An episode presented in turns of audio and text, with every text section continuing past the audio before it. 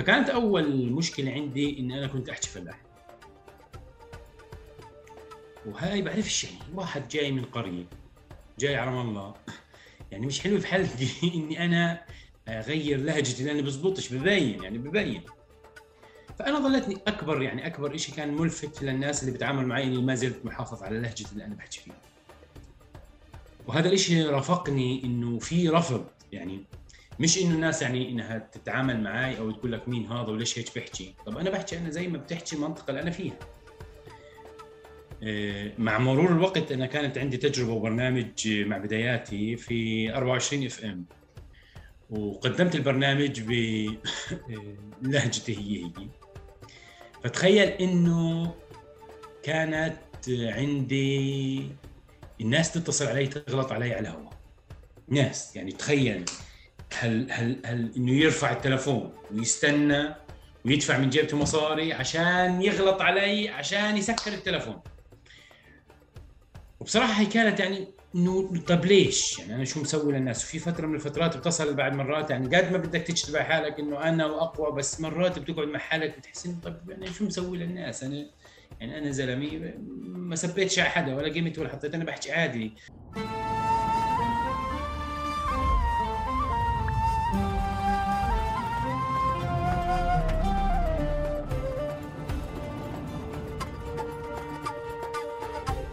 مرحبا واهلا وسهلا فيكم في حلقة جديدة من بودكاست تقارب حلقتنا اليوم مع العزيز محمود حريبات قبل ما نبلش الحلقة بحب جدا إنه يعني أطلب منكم آه، التفاعل مع هذه الحلقة وأنتم عم تسمعوا قبل ما تسمعوا أو قبل ما تشاهدوها وتشاركوها مع مجموعة من الأصدقاء اللي بتتخيلوا إنه ممكن النقاش اللي بكون اللي راح يكون موجود ممكن يلفتهم أو يهتموا فيه. أه وبهيك بنبدأ، مرحبا يا محمود. مرحبا. مرحبا كثيرا. أه أه أنت أصعب ضيف بس مش لأنه عندك كتير شغل لأنه عندك لينو زين. آه خلاص ما إحنا هلا في المدرسة. فسجلنا الحلقة وانهم ما يكونش متواجدات. أنا مش أحس اليوم يعني أحس اليوم حلقة يوغا مقارنة بالمحاولة اللي جربنا نعملها سابقا. آه لأنه لا هو هن متعودات يعني هن بيعتبرن إنه أنا شغيل عندهن أو أنا يعني يعني أي شيء بخصني فهو بخصهن قبل ما بخصني فلازم يدخلن آه، خشمهن في كل حاجة سواء محاضرة سواء اجتماع سواء أي حاجة لازم يدخلن في الموضوع لازم يسال يعني لازم يتجاوب بهن فطبعا هذا بزبطش وما زبطش معك فهنا عودنا عدنا الحلقة من جديد. فاهلا وسهلا أنا جربت بس ما زبطت. أهلا وسهلا فيك محمود حربات من جديد. محمود حربات أنا حركت حالي مقاطع كثيره بس ما راح آه. أرجع أشتغل فيها. آه صح. آه. بس صح. غيرت لك المحاور تماما. عشان فعليا يعني إذا إذا فكرت تجهز حالك لإلها فيعني عندنا عندنا نقاش جديد اليوم. يلا. بس نبلش محمود حربات كيف بده يعرف حاله؟ كيف بحب يعرف حاله أو كيف بفضل يتم تعريفه؟ تعرف هاي هاي المشكلة في عندي مشكلة في التعريف عن حال بس بقدر أقول لك إنه أنا صحفي طالب وأب لبنات ثنتين وبس. آه، تمام. و... أوكي حلو. كيف بتحب يتم تعريفك؟ يعني أنا دائما بحاول إنه صفة الصحفي انها تضلها ملازقيتني ومعرفيتني لأنه هاي المهنة وهاي الوظيفة وهاي الإشي اللي أنا بحبها. واللي أنا دائما بحاول إني كل شغلي وكل تفكيري في هذه الدائرة واللي كمان رحت طورت حالي التحقت في الدراسات آه، العليا في الإعلام الرقمي في جامعة القدس على أساس إني أكمل ماجستير لأطور هذه المهنة وهذا التخصص وهذا الشغف واللي دائما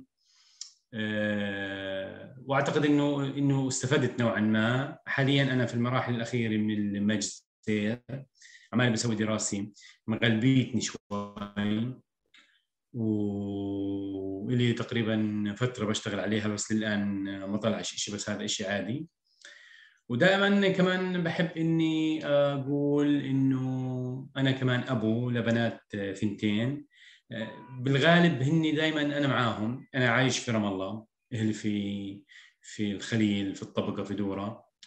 آه، بعيدين إحنا عن جو العائلة وبعيدين عن ال كل الخلفة تبعتنا. محمود أنت قاعد تحكي شو بتحب مش شو بتحبش صح؟ آه يعني إيش؟ فأنا شو اللي بقول لك هي مش عارف شو اللي بحبه وشو اللي بحبش. فاللي أنا بقول لك هي أنا دائما هن بناتي معي.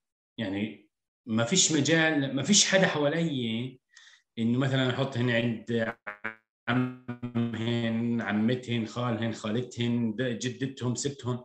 فدائما أنا البنات معي بالأغلب إنهن البنات معي ف لأنه فيش لنا حدا هنا. يا إما أنا بجيبهم من مدارسهم أو برجعهم أو هم معي أو بيجوا عندي على الشغل أو أو أو. فصارت بيني وبينهم هذه العلاقة اللي أنا شوي عندي متابعين على ال social media فعلاقتي كمان معهم بعكسها شوي. يعني بحافظ على خصوصياتهم بحافظ على مزاجهم لأنه بمزاج بيطلع. فكمان أنا بحب إني أعرف حالي إنه أنا أبو لهالبنات الثنتين لأنه هن بعلمني أكثر ما أنا بتعلم بعلمهن. أوكي. فهذا هو تعريف محمود برضه برضه بعدك بتقول بالتعريف. شو بتحبش يتم تعريفك؟ بتحبش؟ بتنزعج. بحبش بحبش بتحبش يا محمود. بعدين محمود إياك. كمان شغلة. استنى شوي استنى قبل. آه ناشط. ناشط شبابي. مش عارف قصة شوف اولا ليس تقليلا في قيمة الشباب الناشطين في فلسطين واللي كان لهم دور وما زال وسيبقى لهم دور آه، في هذا الموضوع. بس فترة من الفترات لزقت بدون ما تقاطعني لزقت فكرة ناشط الشبابي اتفضل احكي احكي. طلع المحاولة الماضية آه. وبداية هاي المقابلة انت في المرة الماضية اجيت مجهز حالك لمقابلة آه. واخذت المايك وصرت تروح زي كأنه أنا مذيعة بالتلفزيون بسألك آه. سؤال بدكش ترد عليه بتروح تسرح يمين شمال تمام. فوق شو بدك؟ اليوم هذا مش راح يزبط. طيب. قاعدين اليوم إحنا بالدار بنشرب فنجان قهوة وأنا عندي ثلاث نقاط بدي بدي انكشهن آه. عندك. تمام؟ تعال أول إشي نبلش من خلصنا ناشط شبابي. تمام؟ يعني آه شكرا. آه. أنت بتحبش تتم تعريفك نص شبابي أنا بدي أعرف صحيح. عن آه عن من وين أنت جاي؟ أنا من قلت لك من قرية اسمها الطبقة. ما حكيت. حكيت المقابلة الماضية. آه. أنا في قرية. خلص format format لكل شيء سابق. تقوليش قلت لك تمام؟ آه. خلص. إحنا هلأ بدنا نحكي من أول جديد ماشي. أنا في قرية أنا من قرية اسمها الطبقة. جنوب دورة جنوب الخليل جنوب فلسطين. وعلى فكرة لما تقولوا إنه إحنا جنوب آه إحنا الجنوب. يعني مش لما تقول آه، طول كرم مش آه، شمال فلسطين.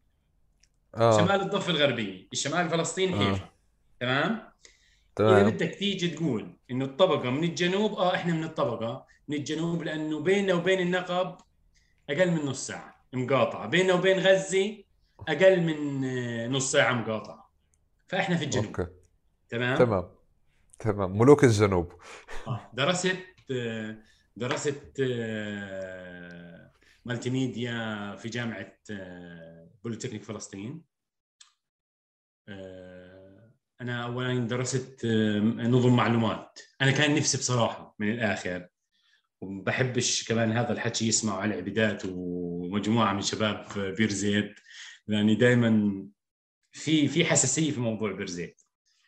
أنا كان نفسي أدرس في بيرزيت يعني كان طموحي وشغفي إني أدرس إعلام في بيرزيت وأنا كنت توجيهي 2000 2001 من أسوأ مراحل التوجيه اللي اللي كنا فيها لأنه كانت بداية الانتفاضة الثانية. بعد وظلت مستمرة الانتفاضة الثانية. ف كانت فكرة أصلا بيرزيت كانت صعبة والأجواء صعبة والوضع الاقتصادي صعب. فما قدرتش لا أدرس لا في بيرزيت ولا في غير بيرزيت وما كانش في إعلام في كل منطقة الجنوب كلياتها. يعني الحين في في الخليل في تعدد يعني الشباب عندهم الخيارات إحنا ما كان عندنا الخيارات. فأنت بتحكي عن 20 سنه أكثر من 20 سنه في هذا الموضوع. فأنا كان نفسي أدرس إعلام ما قدرت. رحت على جامعة البوليتكنيك اقنعوني هالشباب أدرس نظم معلومات. أول سنه حملت كل المواد. في قصقصة ورق اللي هو نازل لتخصص جديد اسمه multimedia والوسائط المتعددة وال graphics في بقت في بند من البنود إنه شيء صحافة على إنتاج على إخراج. حولت على التخصص. بعد ما حولت على التخصص قعدنا كمان أربع سنين قعدنا في الجامعة خمس سنين. وبعدين انتقلت وبعد ما انتقلت خلص بدي أشتغل صحافة. أنا طلعت على تلفزيون آه، طلعت على رام الله. وفي في يعني زلمه كبير في العمر صديق ساعدني ووفر لي مقابلة بعدين سويت مقابلة مع تلفزيون وطن اشتغلت مع مؤسسة الرؤيه الفلسطينية شوية وقت حاليا استقلت من كل شيء سويت مشروع جديد تم الموافقة عليه. آه، وأجانا تمويل فإحنا قاعدين بنشتغل على مؤسسة إعلامية شبابية صغيرة. إن شاء الله ربنا بكتب لنا النجاح فيها. شو اسمها؟ هلا إحنا آه إحنا عندنا إحنا كان في عندنا group اسمه لمة صحافة للصحفيين وحولناه لشركه غير ربحية وبعدين آه الآن في عندنا مجموعة من الأعمال. في مشروع أخذناه من مؤسسة اسمها تروسوس. والأفكار يعني إحنا بلشنا فيه. راح يكون في عدة أشياء. يعني راح بحب إنه نحكي لما يبقى كل شيء جاهز نحكي عنه أكثر وأكثر. بس بتوقع إنه إنه إحنا يعني في أول الطريق وإن شاء الله بنجح. يعني إن شاء الله هذه الأمور مين مين اللي معك فضولا لما شيء له مكان مين اللي معك لما علي معي بشكل بس معي هي فريق أوكي. مين؟ لا بسأل لأنه عم تحكي إحنا إحنا فبسألك مين معك. آه. هلا إحنا وفي كمان آه، مجموعة من الشباب في في فريق عمل يعني في فريق عمل عماله بيشتغل على هذا الموضوع. بالإضافة لمجموعه من الأصدقاء المحبين لهي الفكرة فان شاء الله خير. طيب بالتوفيق. آه آه آه محمود في إشي بشخصيتك في أنا بالنسبة لي في ثلاث نقاط اليوم هيك بدي يعني بدي أمشي عليهم. في دائما فكرة الفتحاوي اللي نشأ بالجامعة وفي عنده ذكريات كتير لطيفة وهيك ضحك هيك بنبسط. بيحكي عنها. بعدين بعدين الفتحاوي هذا صدم بفتح رام الله صدم بفتح الجنوب مرة تانية صدم بحاله. بس هيك صار يعني ما هو أنا مش عارف إني مش عارف إني فتح ولا لأ لا يمكن أنت الوحيد لا أنا أنا بضل أقول أنا الوحيد اللي بصدقه لما بقول فتح أبو عمار وفتح زمان هو محمود حربان آه.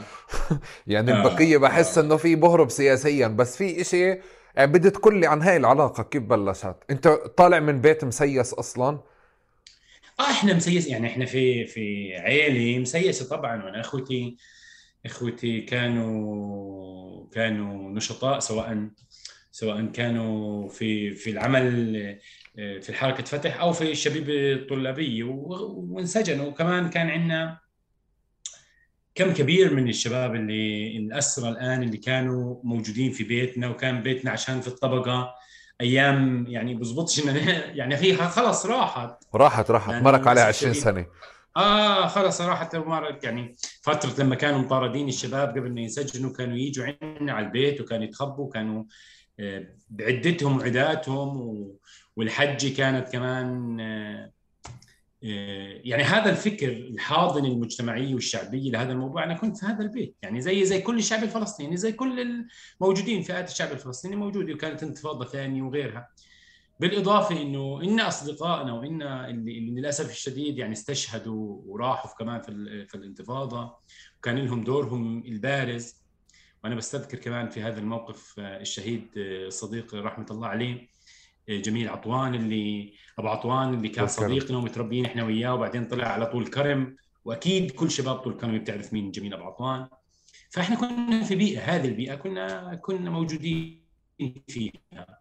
ثم انتقلنا للجامعه انتقلنا للجامعه كانت الجامعة البوليتكنيك بصراحة إحنا في الخليل آه، الخليل يعني زمان كانت يعني موجود مدينة حماس.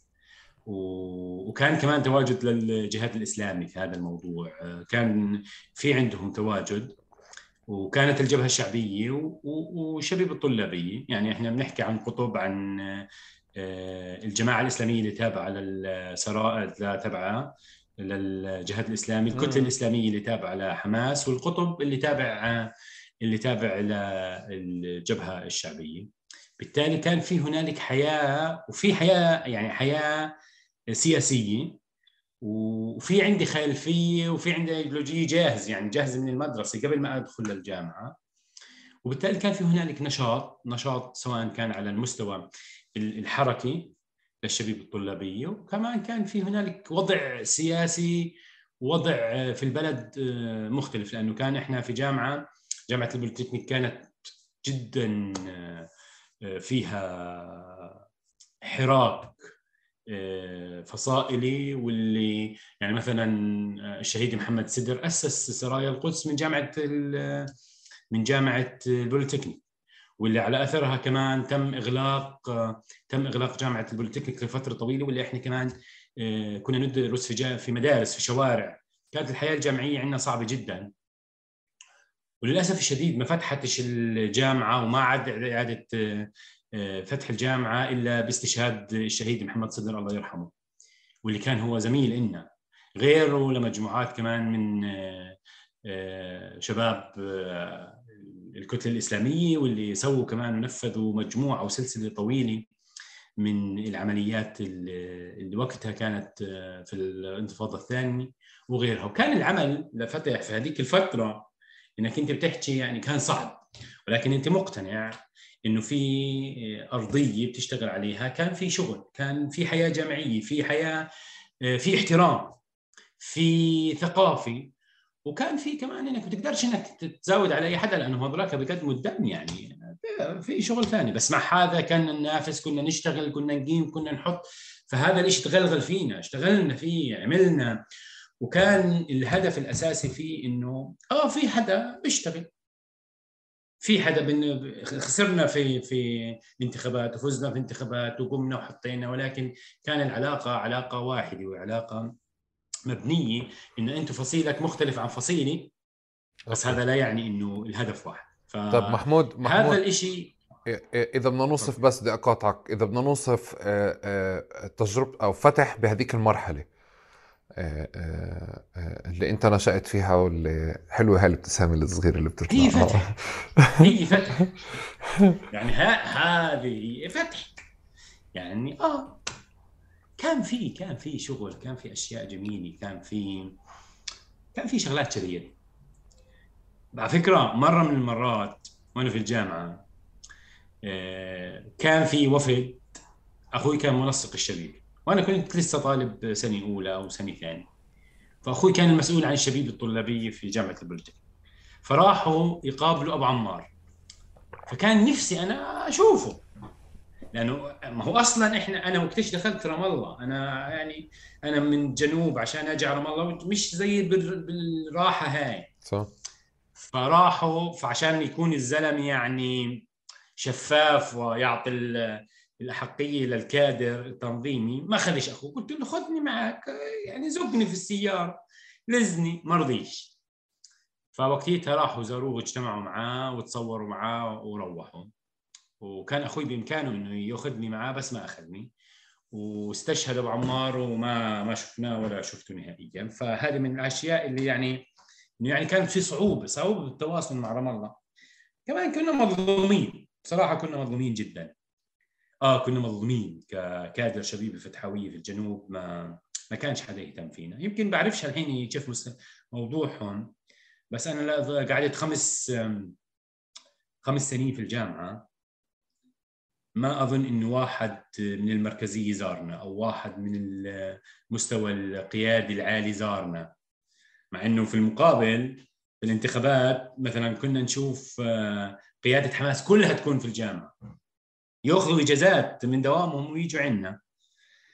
فآه مش عارف انت ليش تل... على فكرة أنا أنا لو أنا كنت آه، محضر حالي لأسئلة زي هيك طلعت منها بس آه، شيء وراح نعم آه نزلت على رام الله أنا أنا عندي تعليق دائما كمان بحكي غير إنه انت فتح ابو عمار الوحيد الصادق بحياتي. تمام؟ مم. الشغلة الثانية إنه يعني آه أنت غير محظوظ وأنت ما استفدتش. هلأ وأنت قاعد بتحكي آه هلأ بدنا نيجي على شغلة ثانية على رام الله والسلطة وفتح وكذا. مم. بس أنت حتى من من من الجامعة فعليا على مستوى أخوك اللي هو يعني لا ما بده يفيدك ما بده إياك يعني تستفيد أو ما بده هو يعني... الزلمة شفاف. هو بده يبقى يعني الزلمة يعني. على فكرة أنا كتبت عنها أكثر من مرة. كل مرة في استشهاد أبو عمار بكتب هذا البوست السنوي إنه أخوي ما اخذنيش وهو مش ندمان. okay. طيب أخوي على آه على العموم أخوي بيشتغل في دبي يعني طلع بيشتغل في الإمارات. آه انتبهت هذيك اليوم زي كأنه عمل شفت أصلا كمان بالحياة. يعني عمل آه نقلة. يعني لا هو بيشتغل مهندس في الإمارات. هو وكل أصحابه وكل اللي كانوا يعني. آه بيشتغل في الإمارات. أوكي. هذا الجيل هذا الجيل لحد إمتى بتحكي أنت؟ جيل الشبيب لحد أي سنة؟ ما هم هذول شباب الشبيبي ما أنت بتعرف يعني هذول بقعد له أبو سبع ثمان سنين في الجامعة. فاهم بس بقصد هذا بقصد هذا الجيل ضل اللي هو يعني بنحكي مع نهاية الانتفاضة يمكن انضربوا ولا ولا استمروا لما بعدها ولا قبلها؟ يعني, يعني كيف الكت... يعني بعد بعد 2006 يعني خفت الأمور يعني. بعد 2006 وانه كل حدا انشغل وكل حدا صار يشتغل في شغله. هي هي مقابلة عني ولا مقابله عن شبيبي.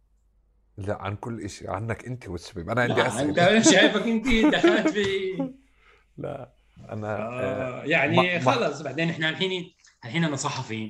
بحب دائما إني أكون صحفي وأتعرف لا لا لا محمود لا هي هي هي فكرة قبل قبل فترة مع صهيب العصا.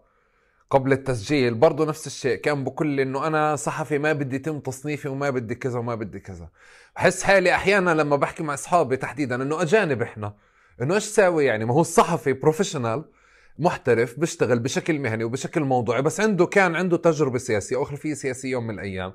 وعادي أنت بتقدر تقول اليوم عندي إياها أو ما عندي إياها يعني. بس هيك بشعر زي كأنه في تناقضات بالعكس أنا ما بشوف في تناقضات. في ضرورة أصلا لفكرة إنه يكون الصحفي عم بيشتغل بفلسطين وعنده خلفية سياسية أو تجربة سياسية آه. يعني. آه طبعا لازم لا لازم يبقى خايض التجربة عشان يقدر يقرأ يقرأ الشيء صح. هسا أنا لما بدي أحكي معك بدي أبلش طبعا يعني بالأساسيات وبالتكوين السياسي وانت من وين آه. طلعت وبكذا وبتعرف في أوتار هيك اللي أنت مش محضر حالك لها أنا حركت أحيانا آه. محاور أهم يعني سابقا. آه. طيب محمود أنت أنت ب آه، آه، نزلت على رام الله وفي هون يعني خليني أقول إنه أنت كنت خليني أحكي شخص آه، ما بين قوسين مش أنا اللي بسميك. يعني أنت بتوافقني اللي هو شخص مختلف. على مستوى آه، خلفية بده يشتغل بالصحافة أو بالإعلام على مستوى خلفية على مستوى من وين جاي من النخب مش من النخب اللي اللي المفروض إنه تشتغل أو يتسهل أمورها وكذا. آه، بس شقيت طريق. أنا بدي الأيام الأولى من من من دخلتك على رام الله وأنت من الجنوب من الطبقة باللهجة بال... بال... اللي حافظت عليها كلياتها. آه... وانت أي سنة نزلت أول شيء؟ 2006 2007 كنت في رام الله آه هات احكي لي. أنا لي آه أنا لي تقريبا الحين في رام الله يعني أكثر من 15 سنة. آه على فكرة أنا بحب رام الله عن جد أنا بحب رام الله ورام الله هي مدينة بتقدر تقول إنها آه بالرغم من كل التناقضات اللي فيها وبالرغم اللي بعد مرات بنسب آه عليها وبالرغم بالمرة إنها بتتحمل مسؤولية هي ما لهاش فيه إلا أنها استقبلتنا كلياتنا وحضنتنا كلياتنا وأنا دائما يعني أنا بحبها وبحب جوها وبحب ببقى منتمي لها في كثير من الأحيان شايف؟ آه، بس فيها اختلافات وفيها كمية كبيرة من من الثقافات يعني قديش إحنا في المجتمع الفلسطيني بس آه، وفيها نوع من مش هي السبب اللي موجودين فيها انه نوع من من الزيف نوع من التقليد نوع من ال... الناس اللي بتبقاش هي هي بتبقى شيء بتتغير لما تصل رام الله بتقلب اورنج يعني كيف بتعرفش فكانت أول مشكلة عندي اني أنا كنت أحكي فلاح وهاي بعرفش يعني؟ واحد جاي من قريه جاي على الله. يعني مش حلو في حالتي إني أنا أغير لهجتي لأني بزبطش ببين يعني ببين. فأنا ظلتني أكبر يعني أكبر شيء كان ملفت للناس اللي بيتعاملوا معي إني ما زلت محافظ على لهجتي اللي أنا بحكي فيها. وهذا الشيء رافقني إنه في رفض يعني مش إنه الناس يعني إنها تتعامل معي أو تقول لك مين هذا وليش هيك بحكي. طب أنا بحكي أنا زي ما بتحكي المنطقة اللي أنا فيها. آه، مع مرور الوقت أنا كانت عندي تجربة وبرنامج مع بداياتي في 24 إف إم. وقدمت البرنامج بلهجتي هي هي. فتخيل إنه كانت عندي الناس تتصل علي تغلط علي على الهواء. ناس يعني تخيل هل هل هل إنه يرفع التلفون ويستنى ويدفع من جيبته مصاري عشان يغلط علي عشان يسكر التلفون. وبصراحة هي كانت يعني انه طب ليش؟ يعني أنا شو مسوي للناس؟ وفي فترة من الفترات بتصل بعد مرات يعني قد ما بدك تجتبع حالك إنه أنا وأقوى بس مرات بتقعد مع حالك بتحس إنه طب يعني شو مسوي للناس؟ أنا يعني أنا زلمي ما سبيتش على حدا ولا قيمت ولا حطيت أنا بحكي عادي إنه حدا يتصل عليك على الراديو يغلط عليك على الهواء ويسكر التليفون ويروح فكانت أكبر أكبر شيء إنك أنت كيف إنك تظلك أنت بدون تغيير أعتقد الحين الشيء الشيء بطل يعني صارت الناس عادي جدا. هي نقطة أولى، النقطة الثانية في كمان الحياة. لأنه أنا ما كنتش أنا كنت عايش في العيلة بعدين رحت عشت لحالي فبلشت كأنك أنت بتعيش لحالك من أول لجديد. آه، والجامعة جامعة البوليتكنيك وفترة الانتفاضة ما كانتش أنت يعني إحنا الطلاب اللي كانوا من خارج آه، الخليل بنعدوا على الأصابع في كل الجامعة. مش كثار فأنت مش مختلط في علاقات وثقافات ما بين آه، المدن الفلسطينية. فكانت كمان أنت بحاجة إنك تعرف وتخوض وتعرف كيف هذول الناس وكيف هذول بيفكروا وكيف بيقوموا وكيف بحث فكانت كمان مشكلة. مش زي طلاب برزيت اللي كانوا لهم أربع سنين بيعرفوا كل المناطق ورايحين وجايين عليها. النقطة الثالثة إنك تتكيف معها. والنقطة الرابعة إنك أنت كمان إنك تعرف تتعامل لأنه الناس مش زي ما أنت بتعرفهم اللي عندك في المجتمع اللي أنت كنت فيه. هذول كان مجموعة من النقاط اللي كانت فيها مشكلة. بس أظن إنه تغلبت تغلبنا عليها شوي والحمد لله هلأ بنينا شوي شوي اسمنا فيها ومشت. محمود قديش تغيرت من وقتها لليوم؟ أظن وقتها كان كثير يعني أنت دخلت ببدايات الناس لما بلشت تروح تشتغل برام الله. يمكن ما قبل الف... ما قبل الانتفاضة كانت نابلس كمان مركز مهم صح؟ مم. وأظن بداية 2000 2005 2006 2007 رام الله صارت هي المؤسسات أكثر والشركات آه. والمركز أكثر بس كان لسه بداياته صح؟ كان بداياته لسه كان بداياته ما كانتش رام الله بهذا بهذا الشكل آه كان في تغير إحنا بنحكي عن تقريبا 15 سنة آه كان الإشي مختلف آه، كان كانت لسه طالعة يعني طالعة كل البلد من من انتفاضة ثانية وكان في تحولات وكان في تغييرات وبعدين أجت أجت موضوع الحكومة الفلسطينية أيام سلام مع إني اشتغلت معاه أيام سلام فياض واشتغلت معاه فترة منها وكان في تحولات سياسية واقتصادية واجتماعية. وكانت رام الله هي المقصد لأنه بلش فيها التأسيس أو فكرة هي أصلا برنامج الدكتور سلام كان هي فكرة الدولة وإقامة الدولة ففي كان عنده خطة. مؤسسات آه. آه هي كان في عنده إقامة الدولة على على أساس بناء المؤسسات وال وغيرها يعني كان في في عنده في هذا الموضوع فكان في هذا التطبيق كانت رام الله هي المصدر. فصارت رام الله هي المحج اللي يجي عليها الكل. عشان إذا بدك تقضي شغلك أو بدك تكون أو بدك تكون قريب من القرار السياسي فكانت رام الله. فكانت شوي غلبة في البداية بعدين تغيرت بعدين تنقلي في في العمل أكسبني أكسبني فيها تلفزيون بعدين رحت على الإغاثة الزراعية. الإغاثة الزراعية كانت آه، شغلنا كله مع المزارعين في كل الضفة الغربية وأنا بعتبر أنه كمان هاي المؤسسة أنا بحبها للآن. تعاملت مع قطاع واسع من المزارعين واللي كمان أنا تعرفت على ثقافات كثيره رحت على ناس رحت على بلدان وقرى ومخيمات. ومن ثم كمان رحنا على مكتب رئيس الوزراء. مكتب رئيس الوزراء ما أنت ذاكر. دكتور سلام ما كانش يقعد في المكتب فكنا نلفلف في اليوم ندخل ثلاث أربع مدن. فصارت في هذا الاحتكاك والتنقلات ما بين وظيفه ووظيفه والوظيفة الأخيرة في مكتب رئيس الوزراء التنقلات والحراك اللي كان في كمان جزء كبير منها آه، نتعامل مع الناس صارت في شوية تأسيس لشكل محمود الحالي. طب حب هلأ عشان أنت عملت قفزة هيك نطيت على على موضوع م. الشغل مع سلام فياض. آه، أنت اشتغلت مع سلام فياض وبعدين اشتغلت مع رامي الحمد الله وبعدين اشتغلت في أكثر من مكان بعدين اشتغلت قبلها بأماكن وكذا. وانت حدا عندك موقف سياسي وعندك خلفية سياسية. وانت حدا بدي أطلع مظاهرات وأنا ثواني ثواني ثواني. انت آه. انت انت انت كنت تشتغل في في في في رئاسة الوزراء وتنزل مظاهرات. يعني هيك صح؟ وتكون ناشط في مكان تاني. وبعدين في المرحله اللي هو دخلت كل هاي الأشياء ببعض. تمام؟ دخلت. آه دخلت كل هاي الأشياء ببعض. وأنا وياك آه ما حكينا بالموضوع هو... بس ثواني ثواني. أنا مم. بدي بدي هيك تشرح لي أكثر كل كيف كيف مجمع كل التناقضات هاي مع بعض؟ يعني آه، حتى لليوم لما بتحكي عنها بتحكي عن محاسن التجارب أكثر ما بتحكيش عنها بشكل نقدي. تمام؟ يعني آه، عندك موقف انت ثواني عندك موقف أنت من بناء المؤسسات والأجهزة الأمنية ما بدنا نخوض فيه. بس مثلا في حالة سلام فياض انه إنه بتلاقي محاسن طلعت حلقة آه محاسن سلام في... فكيف مجمع التناقضات هاي؟ يعني كيف؟ مش فاهم. آه، ما هي خلفية فتحاويه شو يعني؟ هو هيك الفتحاوي؟ بجمع كثير تناقضات. آه لا مش هيك الفتحاوي بس آه فتح كان فيها فيها قطاع كبير من التناقضات لأنه كان فيها يسار يسار ويمين ووسط و... وكل الأشياء وكانت مجمعة.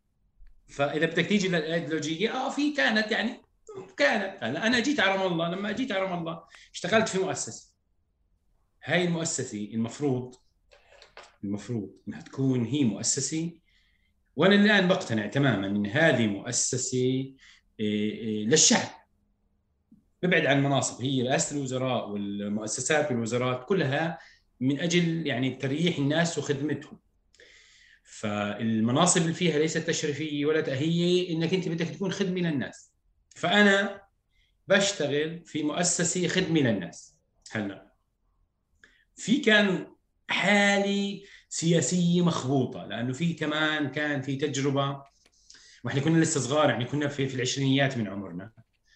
فكانت حالي الشباب العربي في أوجها في تونس آه، آه، مسويين حراك في مصر في حالة غليان عمالها بتصير في تنقلات في أشياء.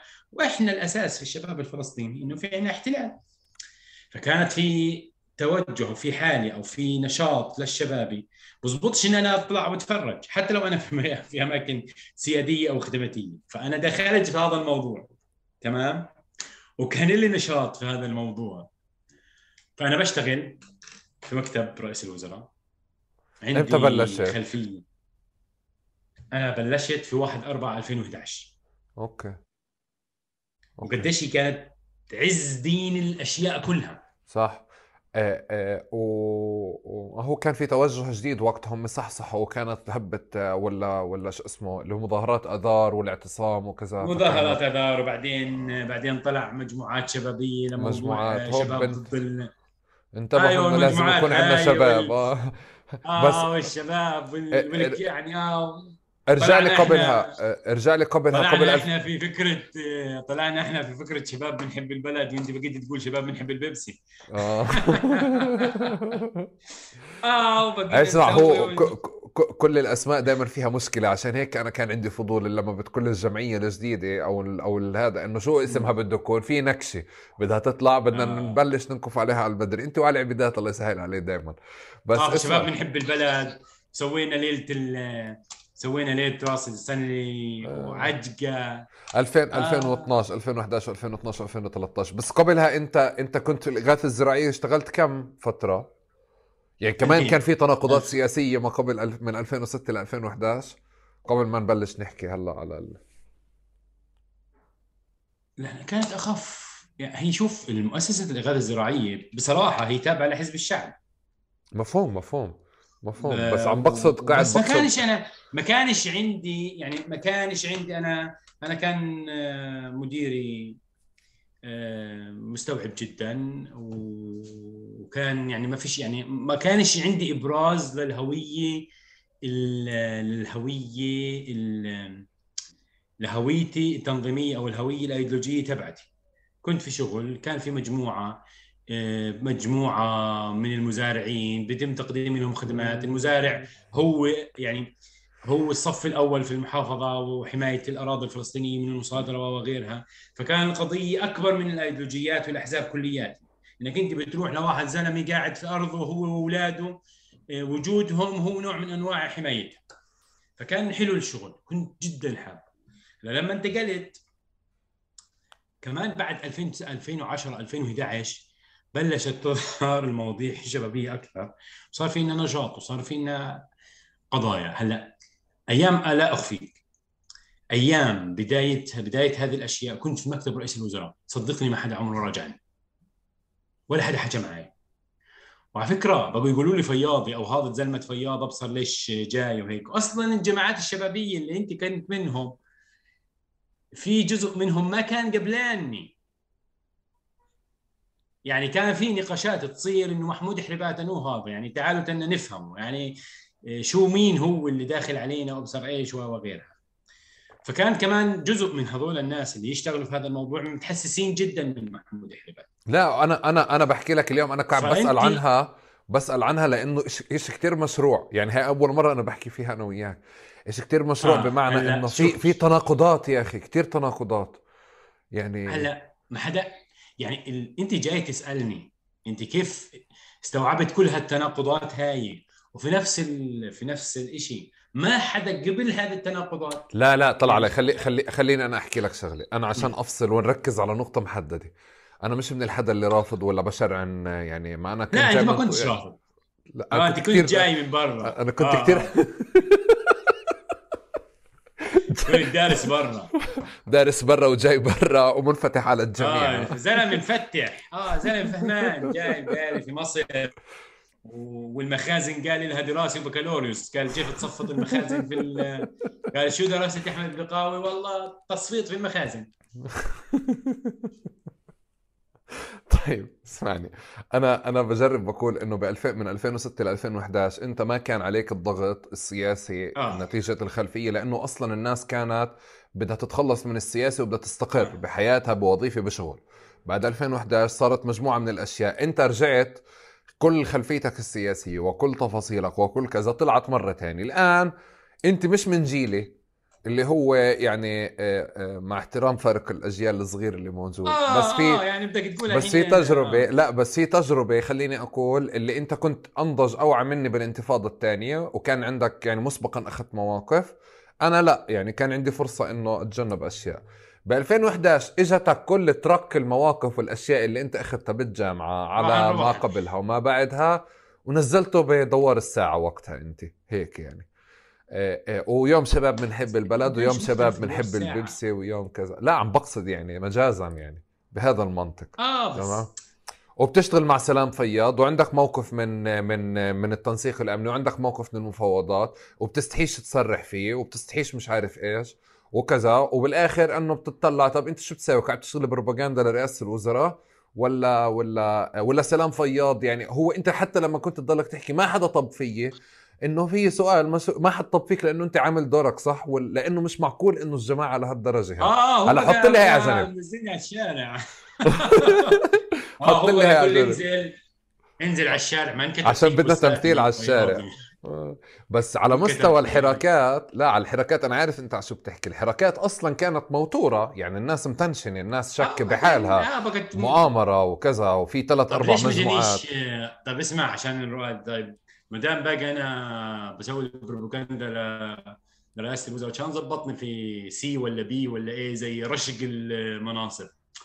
ما عشان هيك عشان هيك أنا بقول أنت شخص غير محظوظ. آه آه مش محظوظ نهائيا.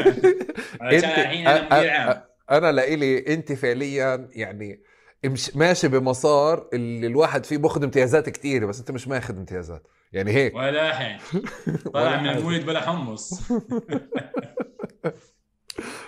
شوف بس عشان هاي النقطة ننهيها. يا ريت إنه يكون في منت يعني يا ريت في كثير من الناس آه، وهذا مشكلة في المجتمع انه إنه عن جد إحنا في عنا في عنا مشكلة في التقبل. في في مشكلة. انه آه والله مثلا فترة ما محمود شو قصته مين؟ هذا محمود حربات هذا بيلعب على أكثر من وزن بيلعب على أكثر من قصة. شو القصة تبعته؟ شو بيسوي؟ شو بقيم شو بحط طيب يا جماعة إيه شو؟ شو بنعمل؟ طب اقبلوا محمود حربات طيب شو بدكم يعني أنا بعتقد إنه إحنا في عندنا الآن تشوه شيء اسمه التقبل تقبل الآخر مش تقبل الآخر السيء تقبلنا إحنا كمجتمع فلسطيني داخلي صار عندنا تشوه في موضوع التعددية. سياسة سياسي في عندنا توجه إنه أنا ومن بعد الطوفان. للأسف الشديد حتى الحركات الوطنية والإسلامية كلياتها يعني تغيرت عن جوهرها تغيرت عن فكرتها تغيرت عن الأشياء اللي الناس بتنتمي واللي مستعدة إنها تروح الناس اللي بقت تنزل تاخذ إجازات وتروح على الانتخابات وهي متخرجة. الناس اللي كانت حريصة على الفكرة وعلى على ال على ال إنها تكون من ضمن هذا الفصيله والحزب واللي والقادره واللي بدها تضحي وبتضحي من أجل هذا الشيء فاليوم آه، الشارع أعتقد إنه في إشكالية كبيرة جدا. ولأنه أقول لك الحين كل الأحزاب إذا بدها تروح تسوي أي حاجة قديش بدها تلم أو قديش راح تلم. وهذا أعتقد تراكم تراكم السنين لأنه آه، ثقافة آه، ثقافات كثير عمالنا فقدنا قيمتها وأهميتها. ومن أولها كانت إنه إحنا نرفض أي شيء آخر، الآخر الفلسطيني مش المره الآخر. بتعرف كمان شغلة بفكر إنه إنه يعني أنا صرت أطلع على الاشياء صراحة بشكل مختلف شوي. إنه لما أنا باجي بقول لك من 2006 ل 2011 اللي هو جزء منه أنا طلعت برا بدي أتعلم ولا كذا ما بديش أشتغل سياسي. يعني بدي أنبسط بدي أعيش. نفس الشيء الناس اللي برام الله بدها تستقر أو بدها كذا أو هيك. الآن اللي اللي صار بظن ب 2011 وإنت طالع في خلفية يعني في خلفيات سياسية أو في تراكمات طالعة من الانتفاضة ومن المجتمع المدني أو أو الان جي اوز وكمان من من من صلات خارجية وقنوات واتصالات وداخلي وكذا وهيك كلياته هذا انحط على الطاولة مرة واحدة. ويمكن حتى في حالة مصر ممكن أنت تيجي تقول إنه صار تراكمات مثلا بالانتفاضة عملت شيء بغزو العراق صار شيء مش عارف وين صار شيء وصولا لعيد الشرطة هيك. في حالة رام الله ما كان هذا الإشي موجود. فكل الخلافات والتناقضات اللي موجودة بالساحة الفلسطينية يعني صرت أميل أنا أكثر محمود إنه بلاش نجلد حالنا كتير نعرف شو إنه وشو علينا بس جزء كبير من من التراكمات والتناقضات اللي اللي خلصت بالانتفاضة وما تم تسويتها تم تغطيتها طلعت مرة تانية انفجرت بين ثلاث أربع مجموعات يعني آه، كتير صغار عددهم كتير صغار. أثرهم ما زبطش إنه يبطل محدود.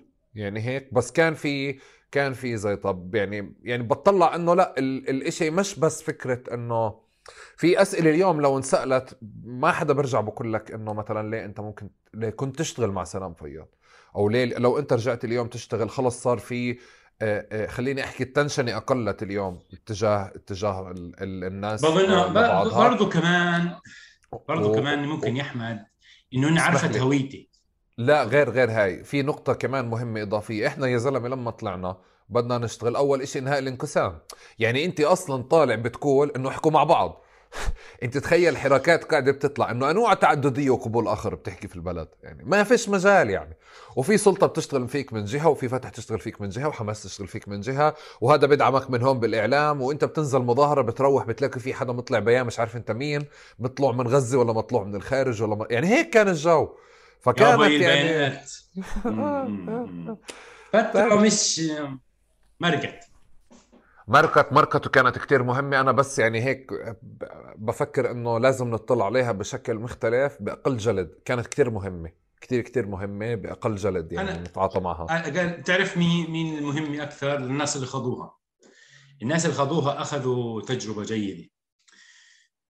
وأظن إنه الشباب الموجودين أنا قبل شوي في عندي دكتور وهو قبل ما ندخل على المقابلة شفت دكتور آه، كان في الجامعة دكتوري في الجامعة وهو كان عميد الكلية. فالدكتور كاتب بوست هو في في البيانات وما البيانات ومندهش من أثر إنه الطلاب يعني هم طلاب تقنيين يعني تخصصات تقنية.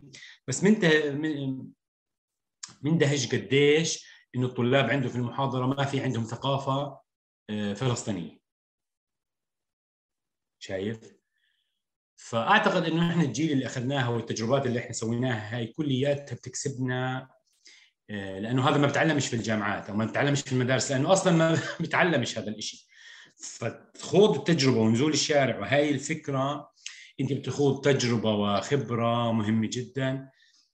يعني هي على القليل يعني أنا ما, ما توقعتش أنا كنت يمكن دائما أكتب إنه شهاده على العصر يعني بعد 20 30 40 سنة يسألوني هذه الأسئلة. مش بعد 15 سنة. آه بحالتنا الفلسطينية فيش عنا فيش عنا وقت كتير. لأنه كمان أنت بتيجي آه. تطلع إنه صار في جيل جديد اللي صار ينظم مظاهرات ويعمل فعاليات وإيفنتس ويزاود علينا بكل أريحية وأنت تمام. فمتى إحنا مش مش 20 و30 سنة. في حالة آه. مصر آه كل صحيح. 30 سنة ليصير حدث. بس إحنا بحالتنا لا يعني ما ما عندك هاي الرفاهية. فبظن لك بظن لك. آه آه في منه الحكي شو المحاور بدك تحكيهم كمان؟ لا هيك هي صارت. شو مشكلتك مع الإعلام يا أخي؟ المؤسسات الإعلامية في رام الله.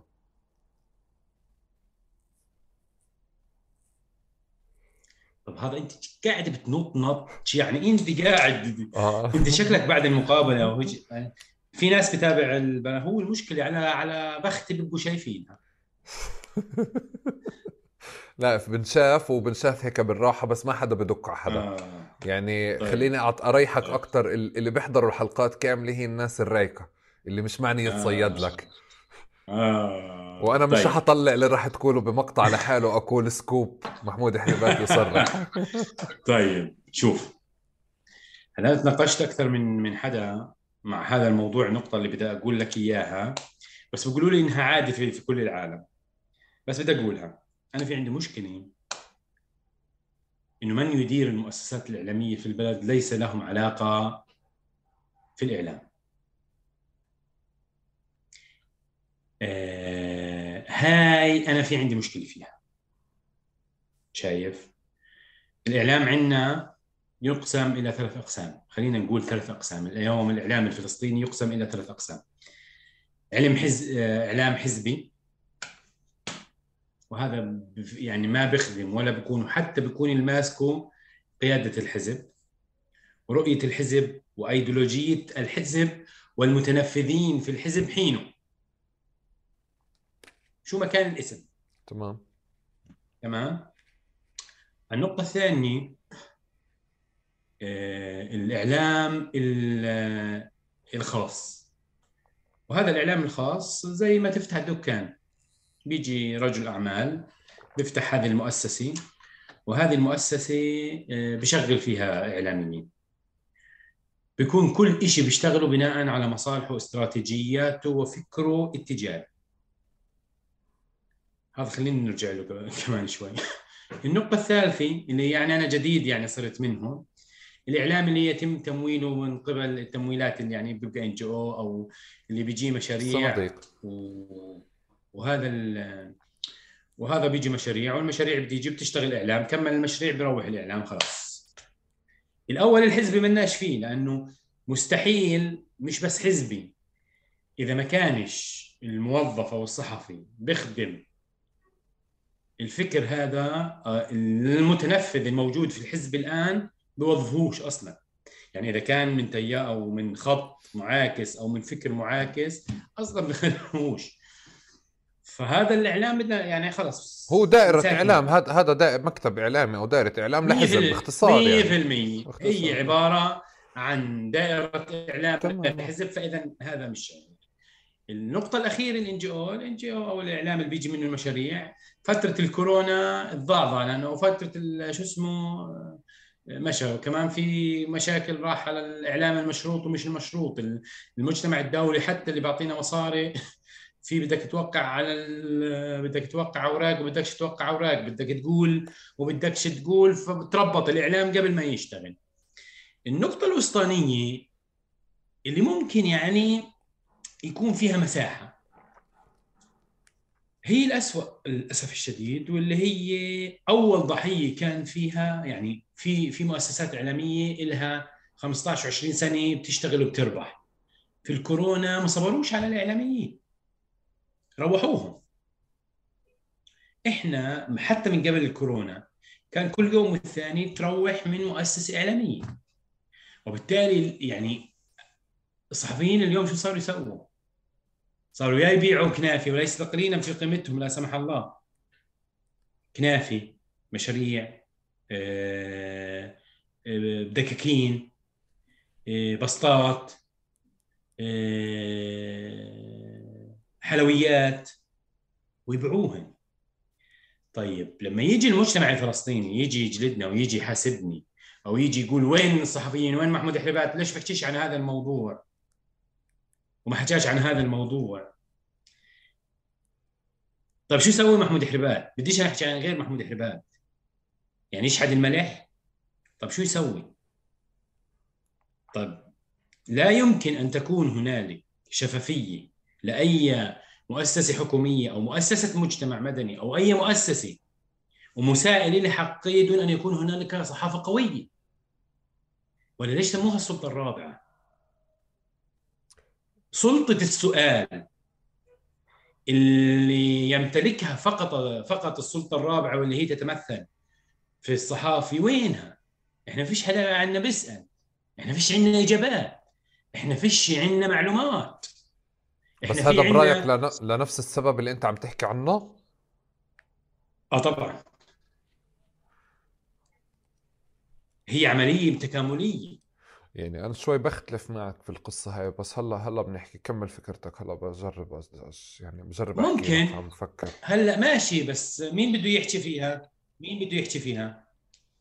لا بحكي فيها أنا وياك مثلا إحنا بدناش إحنا بدناش إحنا بدناش نيجي نجلد حالنا أكثر وأكثر بس للأسف الشديد الاحتلال وصحفيينه هلأ هم بيخدموا الإطار العام لفكرة الدولة دوله الاحتلال اللي قائمه على على جثثنا وعلى حياتنا وعلى أراضينا. بس في الجانب الداخلي بحاسبوا بقيموا بقولوا عن حالهم بخرفوا بعطوا إجابات. إحنا مش واصلين لمرحلة البي بي سي إنها تيجي إنها تيجي تشتغل على من الضرائب الناس عشان تبقى عندها الحرية المطلقة. بس أقل شيء أنا بعتقد إنه عندما تكون عندنا سياسه تحريريه آه، مش هدفها المواطن بصراحة اولا. فأكيد بيبقاش عندنا صحافه قويه مش عارف صراحة كيف يعني أنا الجزء الأول بتفق فيه معك وبشوف المشكلة كارثية بأنه الإعلام الحزبي هو بظن الإعلام اللي بدون بالحالة السياسية تبعتنا واللي أنا بالنسبة لي هو لا شيء بدون آه طبعا. لا وكمان طبيعة البلد اللي موجودة عندنا واضح مثلا مشاريع خاصة عم تنهار مشاريع ربحية عم تنهار أو فيها بتطلع ونزول بس المشاريع اللي بتتمول بشكل دائم من الأحزاب والجهات والدول هي اللي بتكمل. هذا واحد. المشكلة بالمشاريع الإعلامية الثانية اللي هي الشركات الخاصة بفترة من الفترات بالإعلام الفلسطيني هي كانت المراجع تبعتنا. الإعلام الحزبي كان دائما مشكوك فيه. يعني القصد إنه إذا في إعلام قريب من فلان أو قريب من علان أنت ما بتتعاطى معه ما بتكون مرتاح وأنت عم تقرأ الخبر. صحيح. إلا إذا أنت كنت ممثل. فكنت بتلجأ لمجموعه من المكاتب والشركات الإعلامية الإذاعات بشكل أساسي والتلفزيونات المحلية اللي هي طالعة لقطاع خاص ورجال أعمال موجودين أو حتى مش رجال أعمال مش ما بدي أروح على سكيل كبير على تجار. فعملوا شغلة جابوا صحفيين اشتغلوا في في المنصة هاي ودخلوا إعلانات عملوا مصاري. المشكلة اللي عم بصير اليوم شيء مرتبط أظن بالقصة الثانية يعني بالنقطة الثانية اللي بدي أحكيها. بس اللي وصلنا له اليوم إنه أنت في آه، ذهنية التاجر بالتعاطي مع المشروع الإعلامي. يعني في تلفزيون عراقي فتح قبل فترة بإسطنبول. الناس اللي موجودة فيه بروفيشنالز يعني محترفين جايبينهم من ما لهمش علاقة بالملف العراقي جايبينهم من لبنان عشان يعملوا تلفزيون صحفي واحد اثنين ثلاثة منيح؟ جابوا الناس أصحاب الاختصاص اللي بيحكوا بالقضايا عراقيين أو ملمين بالملف العراقي بكذا وكذا وكذا. الآن السوق في العراق صار فيه قصة كتير كبيرة نتيجة دخول القطاع الخاص على والاستثمار فيه تمام؟ وبعدين بلشوا يفكروا إنه أوكي إحنا جبنا صحفيين قويين وتقنيين قويين وصرفنا عليهم مصاري جاب لنا إعلانات. إحنا اللي بصير عندنا إنه آه، آه، رجل رجل رجل الأعمال اللي اللي مسؤول عن عن قصة ما تحديدا أو مسؤول عن مشروع ما آه، بتعامل معه إنه بطل يربح كفاية هيك. وإشي تاني في قيود على مستوى الصحافه موجودة بالبلد يعني مش هوينة مش بسيطة. تتناسب مصالح هؤلاء الناس. هذا جانب بمعنى إنه هو رجل الأعمال أو صاحب المكان بفرض واحد اثنين ثلاثة. بس أنا القصد اللي بجرب أحكيه إنه كمان في مستوى من ال... من من إحنا بنحكي الحريات زي كأنه بنقول إنه بإمكانك تنزل مظاهرة على دوار المنارة وما يعتقلوش كل المظاهرة. يعني هيك الشكل. بس أنا بالنسبة لي المعيار الحقيقي إنه أنت كصحفي محترف موجود برام الله قديش بتقدر تعمل تحقيق استقصائي بكل أريحية؟ بتكون مفتوحه المصادر تبعتك فيش معلومة آه، آه، فيش في قمع كمان وفي متابعة وفي مراقبة. والنقطة الثانية ما في كمان إطار اللي هو على مستوى نقابي يحمي الصحفيين. أنا بفكر هون كمان في مشكلة بمعنى إنه هو يقوي مهنة الصحافة والصحفيين اللي موجودين. هوب في سايكل كامله دائرة كاملة اللي بظن آه، ما بتقدر تقول مين سبب مين أو مين عمل مين بس أنا بفكر إنه مشكلة فرضا اجيال اللي صارت قبل فترة هي بجانب منها جانب ربحي بس كمان بجانب منها عم بطلع اجيال يوم من الأيام كانت مكان كتير مهم كتير قوي بس لما الصحافة في البلد كانت كتير قوية كمان. الان في أسباب أخرى أنا بنظري يعني إنه في أشياء تجارية وفي في منطق بالتعاطي مع المشاريع الإعلامية صار مختلف بس بس بشوف في مشهد اليوم إنه أنت آه، آه، بتلاقي صحفيين بيعملوا تحقيقات استقصائية ما بنشروها على صفحاتهم الخاصة محمود. بنشروها بمؤسسات أو مواقع خارجية ما بنشروها لأنه ما بده وجع راس. بده يشتغل شغل محترف وهو عنده قادر يعمله بس مش قادر آه، مش قادر يعمل هذا الإشي. وبظن النقطة الثانية اللي أنت يمكن بمكان صارت معك أو صارت في محيطك. بس سؤال عشانك انت مختلف معي طب كيف أو شو الإشي اللي بنضمن فيه إنه الصحفي يكتب كل شيء ويبقى عارف إنه في وجع راس وينشره كمواطن شو لازم يكون؟ مش فاهم عليك شو يعني كم؟ مش أنت بتقول إنه في صحفي بكتب يعني بنشرش شيء بلاش وجعة الراس آه طب كيف كيف إحنا بدنا إياه ينشر وحتى إذا كان فيها وجعة راس شو شو المتطلبات؟ أنا برأيي أول شيء فعليا في آه، آه، في نقابة لازم يتم احترامها واحد. يعني لازم تمام. تكون لازم تكون رافعة جدا قوية وما بتسمح تمام. ولا ولا ب ب ب مثلا بمساعد عند رامي الحمد الله يرفع قضية مثلا على رامي ونائلة والقضية اللي بتجرجروا فيها طول الفترة. هاي هاي مثال بخليك تقول إنه فلان أنا بديش أوجع رأسي. يعني هيك بس تقول شيء مثل هيك. قصة تانية إنه أنت عم بين فترة وفترة شايفين إنه الصحفيين اللي بيتم اعتقالهم على عملهم الصحفي أو على آراء سياسية أو على كذا. هذا كمان يعني النقابة في لها دور. أنا بفكر النقطة الثالثة اللي مهمة كمان إنه في حالة إحنا بآخر السنين في محاربة لمنطق الصحافة وحريات الرأي تحديدا بالجانب الصحفي.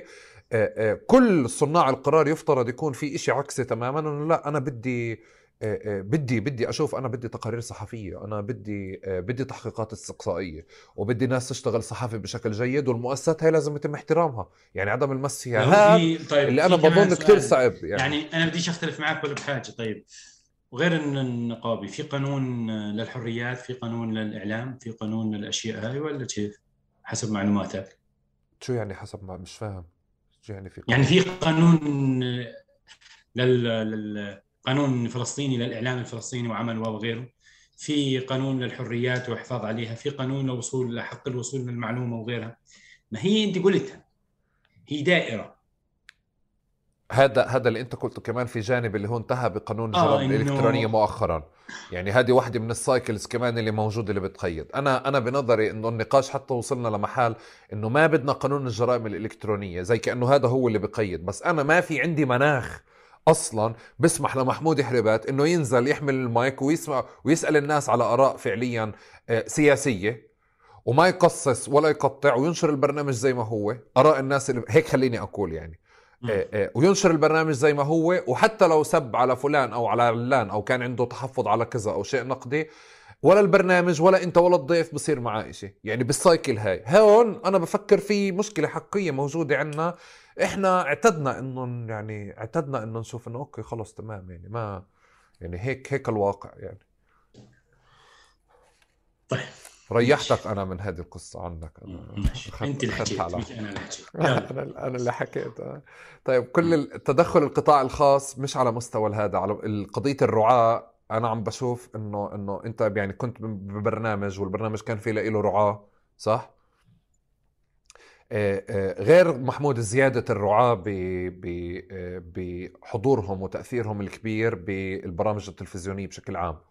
إنه في شركة الفلانية اللي ممكن مثلا في برنامج تاني بنشرة أخبار انحكى إشي أو في حدا تاني علق بقصة ما ضمن الإذاعة ممكن الممول تبع برنامج آخر يتدخل ويغير بالسياسة التحريرية تبعت تبعت الإذاعة وتبعت القناة. إيه، أنا بضل كل فترة فتره أسمع عن حوادث مثل هيك بس هذا قد الاشي حاضر وموجود أو أو حاضر وموجود كتير أو شوي أو حالات استثنائية. بقدرش أشيلها هاي عنك خدها أنت. لا هو حاضر. هو في النهاية هو اللي بدفع لك المصاري. وقديش قديش في حالة يعني تأثير على مستوى السياسة التحريرية هذا القصد؟ يعني أنا بعرف إنه حاضر. بنشوف إعلانات أنا أنا بخاف. أنا بخاف أو أنا بشك أو أنا بعتقد إنه هذا اللي بقول لك الملكيين زيادة عن الملك إنه في بعض الوسائل إنه ما بديش أحكي ولا شيء بلاش الراعي يحكي. أو بلاش الراعي يزعل. وفي جانب ثاني بيزعلوا آه بيزعلوا يا أخوي بيزعلوا بيرفعوا التلفونات. آه في زعل في زعل. يعني ما هو كمان الزعل موجود. واللي بيزعل ما ضلش هالشركات هن اللي ينقطن في حلوق هالمؤسسات. وإذا زعلن وبيزعلوا على مستويات عاليه فإذا زعلت خلص بطلت فيها. بالتالي يلا بنحكي في أي حاجة في البلد وخلصنا. بالتالي أنا أنا ما هو إحنا كمان في مشكلة آه، الحق مش على الراعي. بدك بدك الصراحة. الحق الحق آه. إذا تدخل الراعي في النهاية الراعي في عنده يقول لك أنا مصاري أنت كيف جاي تغلط علي أو جاي تغلط على واحد من مجموعتي؟ بس الأستاذ علي عبيدات اجى مرحبا علي. شايف. سعد صباحك. سلامات. مساء ما هو يمكن يطلع مش عارفين إنت إيش تطلع. تطلع الحلقة. يخليك يا رب يعطيك ألف عافية. جبنا سيرتك بالمقابلة اليوم. آه آه بالعافيه شايف. فأنا شو بقول لك؟ آه، أنا على فكرة في هذا في هذا بالتحديد في هذا بالتحديد. مثلا فوكس نيوز أعتقد هي كانت مع يعني في نفس خط آه، ترامب مثلا. إذا أنا كنت وفي لحظة من اللحظات كتبت إنه ترامب خسر أو ترامب خبص أو ترامب راح. وعادي ما صارش شيء. إحنا أو الإعلام آه، معودش انه إنه حتى لو يعني الراعي إنه حتى لو بدك انت لو بدك أنت تعطيني مصاري أنت مش مقيمني أو أنت ناشني من البير أو أنت لولاك بعيشش. أنت بتأخذ مصلحة وأنا بأخذ مصلحة. تتدخلش في شيء زيادة. الشركات للأسف بديش ظني أقول مثل إسرائيلي. أنا بديش أقول مثل إسرائيلي. المثل الاسرائيلي هل إنه في شركات بتنقطع وبطلوا يشتغلوا عندهم إذا بيغلطوا عليهم وبقوا من الرعاة. ما فهمتش النقطة الأخيرة تبعت الإعلام يعني الإسرائيلي. يعني مثلا مثلا إذا بده يجي الإعلام الإسرائيلي وعنده عنده علاقات مع شركة زي شركة بيسك وانتقدوا أو جابوا تقرير وانتقدوا فيها عمل بيزك مثلا. هل بيزك بتبطل ترعى عند الشركة اللي عندها آه طبعا آه طبعا طبعا آه طبعا. طبعا هذا موجود بكل مكان. يعني فكرة إنه الرعاة أصلا هي إشي ضاغط يعني مثلا قبل فترة انحكى على قضية إنه في تمويل كتير كبير طلع من Ynet لنتنياهو من خلال ال campaign اللي انعمل بكذا كذا. يعني بقصد إنه الممولين والمعلنين جهات حكومية جهات خاصة رجل أعمال صغير كبير هو بضغط على السياسة التحريرية. المشكلة أنه في حالتنا الفلسطينية لما بكون في مؤسسات ضعيفة آه، وتحولت صارت تفكر بمنطق تجاري أكثر من إنه منطق إعلامي ومنطق صحفي. والنقطة الثالثة إنه يعني إحنا محتاجين مصاري يا جماعة إحنا بدنا نحافظ على هالراعي اللي مشغلنا بهذا المنطق يعني. هذا هذا الشيء المؤسف اليوم. بس كمان في إشي هيك من حسن الحظ أظن أنت كمان مشارك فيه إنه بجانب هذا المؤسسات وبجانب هذا الحكي مع طلعه ال social media صار في مساحة آه، آه، خارجة عن المؤسسات اللي كمان صارت تطلع منصات وتطلع تجارب مختلفة. وحتى في تجارب بفلسطين يعني كيف رصد في مصر. في عندنا مجموعة من المنصات اللي أنا بفكر إنه يعني عملت عملت شكل جديد للإعلام الافتراضي الفلسطيني يعني منهم قدس بس أنا بديش أخوض بالقصة هاي أخوض بالنقطة تانية. آه، محمود حربات وعلي مرحبا علي مرة تانية. بس محمود حربات وعلي أنا كيف بعرفهم؟ نزلت على رام الله لقيت جماعة عم لما بيحكوا قصة أو بيعملوا إشي في حضور وأثر لإلهم واضح بالشارع أو أو على مستوى أو جدل. آه، فجأة يا أخي صار هذا الحكي اسمه تأثير ومؤثر ومحمود حربات صار مؤثر. شوي أنا هون يعني أنا مش ثواني ثواني ثواني لا. آه. بعدين مش بطل صار مؤثر. آه، آه، هو وعلي وفادي أظن عجبهم الموضوع. فقاعدين بجربوا فقالوا طب يلا نخلق مؤثر.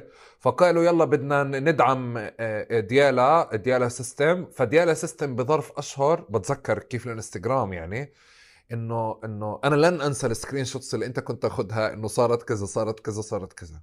بتطلع إنه آه، صار في صناعة مؤثرين كمان موجود بمرحلة كتير قريبة أو بهذا. أقول لك شغلة أنا أنا ضد هي أنا مش صناعة لا مش صناعة. شوي البنت شوي, هي شوي. نغشي عشان أقول لك. لا لا هلا هلا في راس مال أنا موجود ما أنت بدي أنا أحط أنا بس- شيء شوي شوي. أنا ما بدي أحط أنا ما بدي أحط شيء على فكرة هي البنت نفسها لا تنكر هذا الشيء وحكتها في المقابلات إنه كان بس أنا أنا لما يجي يعني زي ديالا أنا لما يجي وينقال إنه مثلا صنعت أنا ما صنعت. صبيه كانت نغشي بداية في بداياتها. كتبنا جملة جملتين شافوها الناس بس هي في عندها النفس وطولة البال والمحتوى بالتطوير وغيرها فإلها جهدها ال- الأساسي. هلا دورنا في بعض الأحيان يعني أو الدور أنت بيبقى عندك شوية ناس تتابعوك. أنت تسليط الضوء على هذول الناس أو غيرهم هذا واجبك. واجبك سواء كانوا أشخاص ولا قضايا ولا أشياء. هلا انت سوي اللي بدك اياه انت اس اس احكي صناعة مؤثرين سوي اللي بدك اياه بس أنا واحد من الناس في شغلات كثيرة بعتقد إنه لازم إنه يكون دور أي واحد يكون في مجال إنه يسلط الضوء على قضايا مختلفة ويلفت انتباه الناس. لفتة الانتباه هذه الأساس. هلا إحنا مجموعة يعني أقول لك مثلا أنا وعلي وفادي في قضايا كثيرة إذا دخلت بروفايلاتنا بنروح نكتب في قضايا كثيرة. ما شاء الله على علي آخر فترة. مختص. فني صار شايف. فأنا بقول لك بختلف ما بتلت بعد مرات يعني ما تلت. حطينا شوية سياسة على شوية آه، رياضة على شوية مع إنه الرياضه كمان تزعل جدا. بس آه، بتمشي. هلا. هذه النقطة. يا يا يا محمود يا محمود بعد هالكم اللي بين اسمح لي. اسمح لي أنا وياك بس عشان برضو آه. ديالا بديش تفهم إنه إنه أنا قاعد بحكي هو ليس آه. انت أنت أنا مش عم بقلل من شيء وأنا مش نقاشي نقاش الديالا أنا نقاش الديالا ككيس. حالي موجودة بفكرة إنه في حدا عنده بوتنشال عنده نواة أو عنده إشي بيقدر يعمله هواية أو موهبة ما وكيف فعليا صارت واحدة من المؤثرين اللي موجودين. هلأ أنت سلطت الضوء ممتاز. أنا بسميه صناعة. كلها مش صناعة. أنا بقول لك صناعة مؤثرين. هي فعليا كان حدا نغش لطيف بيعمل محتوى جيد ولطيف وحلو وقريب من الناس وكتير صادق. تمام تمام. فاهم أنا شو الحكي هذا بس أنا مش عم بجرب. هي ولا هي نافيته ولا أنت. يعني خلاص إحنا بدنا نضل ندافع عن حالنا يعني الواحد متشكك بحاله. عادي. اللي بقوله إنه محمود حريبات كان إعلامي كان صحفي. فجأة أنا لقيته مؤثر. ما بعرف كيف صار اسمه مؤثر. وبعدين ما بعرف كيف إنه صار هو تقنيا قوي آه، آه، وفاهم كمان على مستوى تجربة في بدايات ال- الخلق المؤثرين الفلسطينيين أو ظهورهم خليني أحكي. اللي. أنتم اليوم بتحاربوهم طبعا صار عندك هلأ شيء مختلف يعني كمان. يعني إحنا بتحاربوا نوعيات؟ بتحاربوا نوعيات لا لا بلا سيب في نوعيات محددة مهم تحاربها أنا ممنون لك إنك بتحاربها أصلا يعني تمام. هذا اللي, ب... اللي يعني ما آه ب... بالليل بكون موجوع وهيك وبفتح لايف وبحل مشاكل الناس هاي يعني لازم تحاربه ممنون لك طيب بس بس أنا أنا كل علي كيف علي صار في عنده هيك تخصصات كمان في بعرف. بس آه. آه. هي المقابلة عنك مش عن علي معناها عشان هيك انت شو صار معك؟ كيف صرت مؤثر؟ أنا اولا مش مؤثر. زي كيف الناشط بحبش أقول فيها أنا مش مؤثر. بس بس موضوع موضوع ال ال انك انت تثير قضية ما إحنا كنا في الشارع لنا ساعة بنحكي عن حالنا. طبعا طبعا فاهم. فاحنا جينا أول شيء بقول الناس يعرفونا في الشارع. بعدين استخدمنا ال social media. وبعد ال social media أنا أنا واحد من الناس يعني إذا بدك تيجي للتصنيفات الموجودات في مصطلحات اللي آه، ال- ال- المختصين التسويق أنا ساعة ما آه، ساعة شيء صغير يعني. micro influencer مش influencer لأنه أنا كل الأرقام اللي عندي أقل من خمسين ألف يعني. عندي 30 وعندي 24 وعندي هذول الأشياء. ف أنا لسه لم أصل إلى مرحلة بتصنيفات المختصين أنا لم أصل إلى ال influencer ال- بالأرقام. بس التجربة التجربة اللي بتصير إنه أنت قلتها إنه ميزنا إنه كان عندنا مجموعة من الخبرات ومجموعة من العلاقات ومجموعة من التجارب اللي خضناها في الشارع قبل ما نطلع على السوشيال ميديا. هذا خلتنا في عندنا مساحة ان نكتب ونقول آراء بالإضافة إنه في عندنا على ان نحكي بجراءه شوي مش كثير شوي نحكي نوصل الكتاب ما يشوفك نهائيا بشعر إنه هذا صادق ولا هذا كذاب الكتابه والنص له حياة وله روح وله حس وله أحاسيس وله مشاعر تصل للمتلقي. فهذه النقاط إذا أنت قدرت إنك توصل الناس بطريقتها بتصل في عندنا بعض هذه المواهب في عندنا بعض التجارب. نقلناهن. صار في بعض القضايا اللي أثرنا النقاط اللي بتخص الرأي العام أو الشأن أو قضايا أو أو غيرها. تمام؟ ومع محافظة على أسس يعني ما بيكونش فيها تهجم ما بيكونش فيها غلط ما بيكونش فيها فيها احترام للطرف الآخر. فالناس حست إنه في ايصال للرسائل. يعني لما لما لما آه، التغت إضاءة الشجرة. ما سبيتش على البلديه ولا غلطت عليها. بس قلت لهم إنه البلديه بتلغي وأنا بتبهدل من بناتي. فالناس تفاعلت فهذا لأنه كل الأهالي هيك صار معاه إنه التغى الحفل الاولاد بيعرفوش رئيس البلدية ولا بيعرفوا طاقم البلدية ولا بيعرفوا إنه في في شيء طارئ. أنا قعدت يعني شفت رئيس البلدية وسألته وحكيت مع تلفوناته وبين لي ليش التأجيل اللي صار. بس زينولين بيعرفنش ولا حدا بدن أنت السبب اللي أنت أجلت. في بعض القضايا اللي انت بتحكيها وأنت اللي بتقولها فالناس بتشعر فيها. فلما تشعر فيها إنك يا الله بقيت بتحكي هذه النقطة وهو حكاها. هاي المصداقيه إذا وصلت إنك أنت الناس تصدقك وانت شو بتكتب شيء مهم. هلا بدك تعتبره تأثير اعتبره تأثير. بدك تعتبره تغيير اعتبره اللي بدك إياه. اسمح لي صاحبي أنا أنا بتفق معك 100% باللي أنت قلته. وأنا بالنسبة لي فاهم راس مالك من وين جاي. لهيك. فعليا كان أسهل إنه أنت تخترق أو تعمل إشي ما يعني أو تترك أثر ما.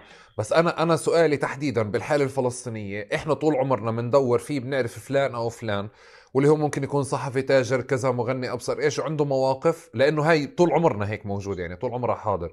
بس في المرحلة اللي أخذت اسم مؤثر هيك تمام؟ في حالتنا صح. الفلسطينية. هذا اللي أنا عم بجرب أسأل عنه وبقول إنه لما الناس صارت تصنف محمود كمؤثر انساك هلأ أنت شو بتصنف حالك ولا بتصنفش؟ آه، آه، بالآخر أنا مهما قلت عن حالي ناشط مدون صانع محتوى سخام البين بالآخر الناس اللي بتقرر شو أنا يعني. تمام؟ بس اللي عم بحكيه الناس حطت محمود حربات كمؤثر صارت تتعاطى معه. الآن ندخل إحنا باكثر بشو طبيعة المحتوى اللي بيعمله أو شو المحاذير أو الكذا. بس النقاش إنه صار في نقلة. هو ما تغير دور محمود ما تغيرت طبيعة محمود. محمود كان آه، صاحب تأثير وكان اسمه ناشط صاحب تأثير وكان اسمه صحفي. طلع طلع. علي مسوي لي أشياء. الله.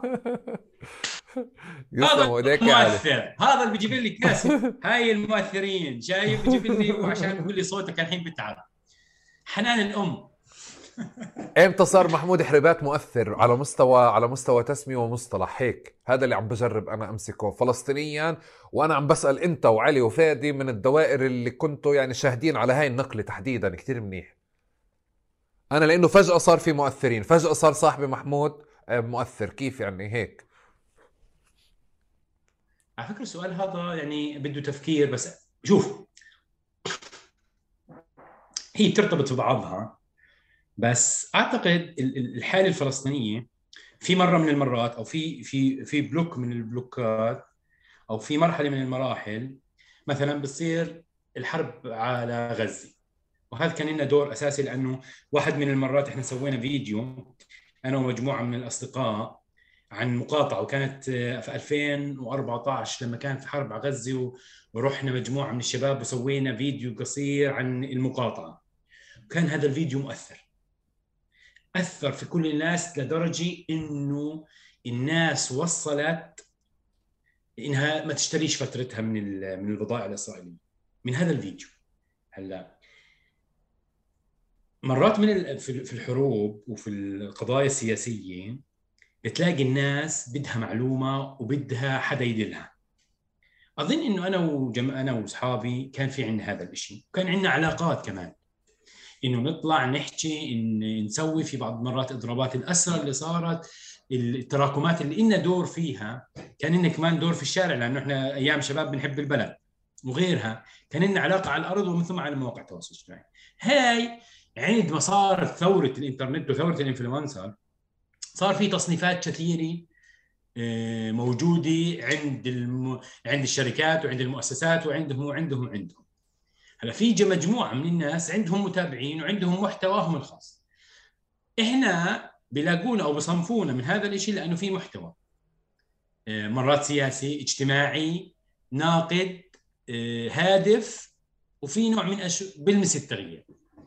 فلما لما صارت هذه التصنيفات طلعنا صرنا إحنا يقولوا لنا هذول مؤثرين في هذا المجال أو غير هذا المجال. وعلى فكرة في تقارير كمان ذكرتنا يعني في تقارير للسوشيال ميديا كمان ذكرتنا بشكل أو بآخر. بس كيف هذا التغيير صار؟ صار لأنه هو موجود. بس في التصنيفات هم اللي صنفوه. إحنا ما تغيرناش في من 2010 للآن نفس الخط. يعني نفس الأسلوب اللي بقينا نكتب فيه ما زال. هو هو. هلا في تغير صار على طرق على الساحة الفلسطينية. صار في استخدامات للناس هذول الموجودين وصار في كمان كم كبير من الناس المشاهير على السوشيال ميديا. يعني انت بتلاقي في بعض المؤسسات أو بعض الأشخاص أنا بعرفهمش. في كمان نقطة بالنسبة شخصية إلي غير غير تجربة الدياله اللي هي هي متفوق أنا بت... أنا أنا حاسه البنت صبية ونغشة ومبدعة ولحالها وما قالوش أنا لا إلي ولا أي ذرة آه، أي دور فيها. أنا هيك خلص خلص خلص نضل هيك آه. عادي تمام. ارتاح. هلا اللي أنا بقوله إنه أيام البرنامج البرامج سواء كان في 24 ولا في رايا كان لي برامج فيها احتكاك مع نسبة كبيرة من هذول الناس. مم. سواء كانوا قبل ما يصيروا مشاهير أو في اثناءهم أو بعد. وهذول كمان تعاملي معاهم احتكاكي معاهم حكي يعني في بعض الأحيان في لي أصحاب لما يعلقوا عندي بيجيبوا لايكات أكثر من البوست. يعني مثلا إذا صدفت إنه علاء أبو ذياب يعلق عندي لأنه مانع مانع مانع ال comment ات عنده ولا نازل براني بصير الناس تعلق عنده وتتفاعل معاه. طب يا جماعة في post فوق طلعوا عليه. مثلا صديقي العزيز عمر زوربا. عمر زوربا سويت معه مقابلة كان عنده 10 20 ألف followers بس. وللآن أقول لك أنا في الأحداث الأخيرة عمر أنا مثلا كانت مع منى حواء. عمر آه، قال لهم بطلع بس بطلعش إلا مع محمود حربات وطلعت أنا وياه مع مع منى على لايفات أيام أيام الأحداث الأخيرة في الشيخ الجراح. في غيرهم في كم كبير من الناس اللي هذول كمان هم الآن محلقين واصلين للعلالي.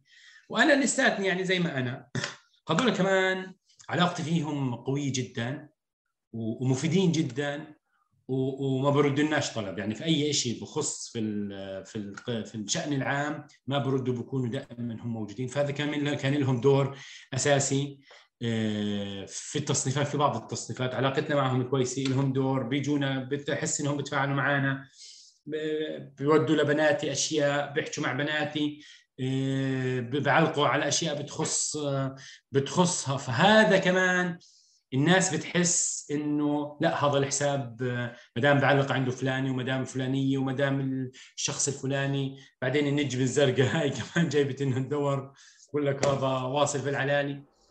فهذا أعتقد من المسببات كلياتها اللي خلت إنه ممكن يصنفوا هيك بتعرف ساعدتني ساعدتني هسه بشغلة إنه بداية التقارير اللي صارت تطلع بفلسطين يمكن آه اللي ما كنت بعد بتذكر مين عملها اللي هم أهم المؤثرين بفلسطين وكانوا يجمعوا شخصيات اللي هو تكون فلسطيني ممكن حتى أنت شغال في في الخليج شغال بمكان. ثاني بكذا. صحيح. فبعدين أول هاي أول القوائم ويمكن هاي طلعت بعد القوائم اللي كانت دنيا الوطن بتعمل استفتاء سنوي 2014 2015 بعدين 2016 صارت التقارير. آه. هاي تجربة لصديقنا حسان جدي لما طلع تقرير ال social media لفلسطين فلسطين وكان مطبوع طلع ثلاث سنوات والآن توقف عنه. وبالمناسبة حسان قريبا راح يطلع آه، شيء بس إلكتروني خاص بهذا الموضوع لأنه عنده. وبعدها صار نطلع مجموعة من التقارير. ف آه يعني هاي يعني مثلا بدي أذكر لك قصة. آه، سريعا بس عشان آه بدي آه كمان تفضل. آه بعيد آه على موضوع المؤثرين. في الكتاب هذا أنا وين ما بروح آه بحكيها في تدريباتي.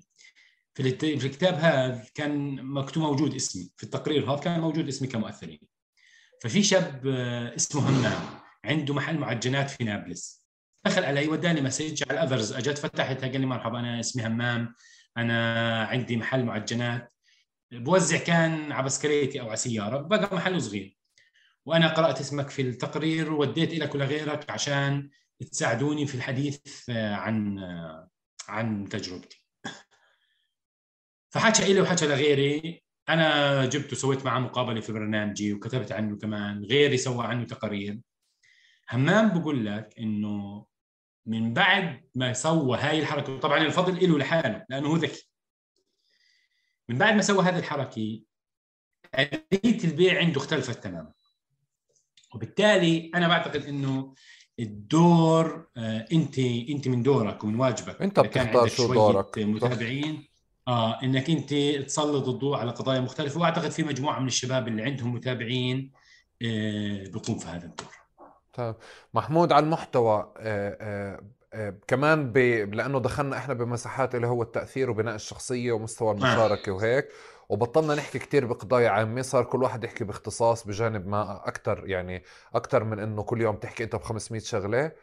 آه آه آه لسه الناس قاعدة بتجرب شو شو المحاذير وشو التفاصيل وهيك أنا بدي أسأل سؤال بتعلق بحضور زين وعلين بحضور بناتك على ال social media واللي هو هاي يعني دعوة ل, يعني. للتفكير إنه أكثر من إنه أنت حسيتك من البداية في عندك إجابة جاهزة بس أنا بدي أجرب هيك أقول إنه واضح لي من المؤثرين العرب والفلسطينيين بشكل عام أمهات و... وأباء ب... لسه مش واضح فكرة إنه أنا بنشر صور ابني أو ما بنشره. حتى البعض بتلاقي إنه مثلا مثلا صديقتنا أو صديقتي روعة وجاي بتنشر صورة أولان ابنها بتغطيه ب sticker بعدين تاني مرة ما بتحط ال sticker بعدين ثالث مرة بترجع تحط sticker بعدين كذا. بعدين الناس تسألها بتقول إنه في اتفاق بيني وبين أبوه إنه ما ندخله على ال social media. بس كمان هي بتحسها إنه هي مرتبكة وبترتجل. في الحدا الثاني اللي مثلا صديقة بس ما بدي أذكر اسمها عشان ال profile خاص ماخذة عهد على نفسها. هي كمان كانت شغالة لفترة يعني على ال social media. أظن ماخذة عهد على نفسها إنه ما تنشر صورة نهائيا فيها الوجه. أوكي؟ وفي الناس اللي وصلت لمحل إنه أولادها صغار بس صاروا مؤثرين وصاروا على يوتيوب وبطلعوا منهم مصاري الدنيا. okay؟ وفي الناس اللي انت بتحطهم يعني بت يعني وكمان هذا بجانب النقاش تبع انه صحيا لازم تبعدوا أبنائكم عن الشاشات وتبعدوهم عن يوتيوب وما تخلوهمش يتفاعلوا مع الأمور الإلكترونية عشان يتفاعلوا أكثر مع الناس وكذا. أنا في ظل هذا الزيطة كلها ما عندي موقف ما عندي مش واضح لي يعني مش واضح لي شو الصح وشو الأصح. آه، في كتير أشياء بأظن بحسها إنه طهرانية يعني أكثر من من من فكرة إنه شيء دقيق إنه إحنا بدي أبالغ أنا بالدقة أو بدي أتخلص من من إنه أنا ما بدي أنقل اللي إجاني من أبوي لأولادي فبجرب هيك يعني أجرب شيء آه، مختلف. بس محمود آه، بناته ظاهرين بكتير أشياء وأنا بنظري كحد متابع لمحمود هم جزء أساسي من المحتوى تبعه اللي بيتعرف فيه يعني كمان خاصه على الإنستغرام. آه. طيب.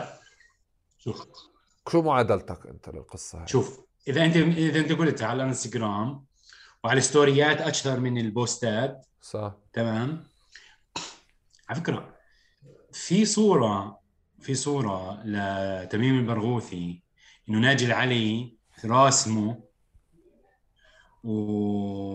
ومره في مقابلة من المقابلات حكى عنها إنه ناجي العلي راسم صورة لتميم آه، ومعطيه إياها وهو محتفظ فيها.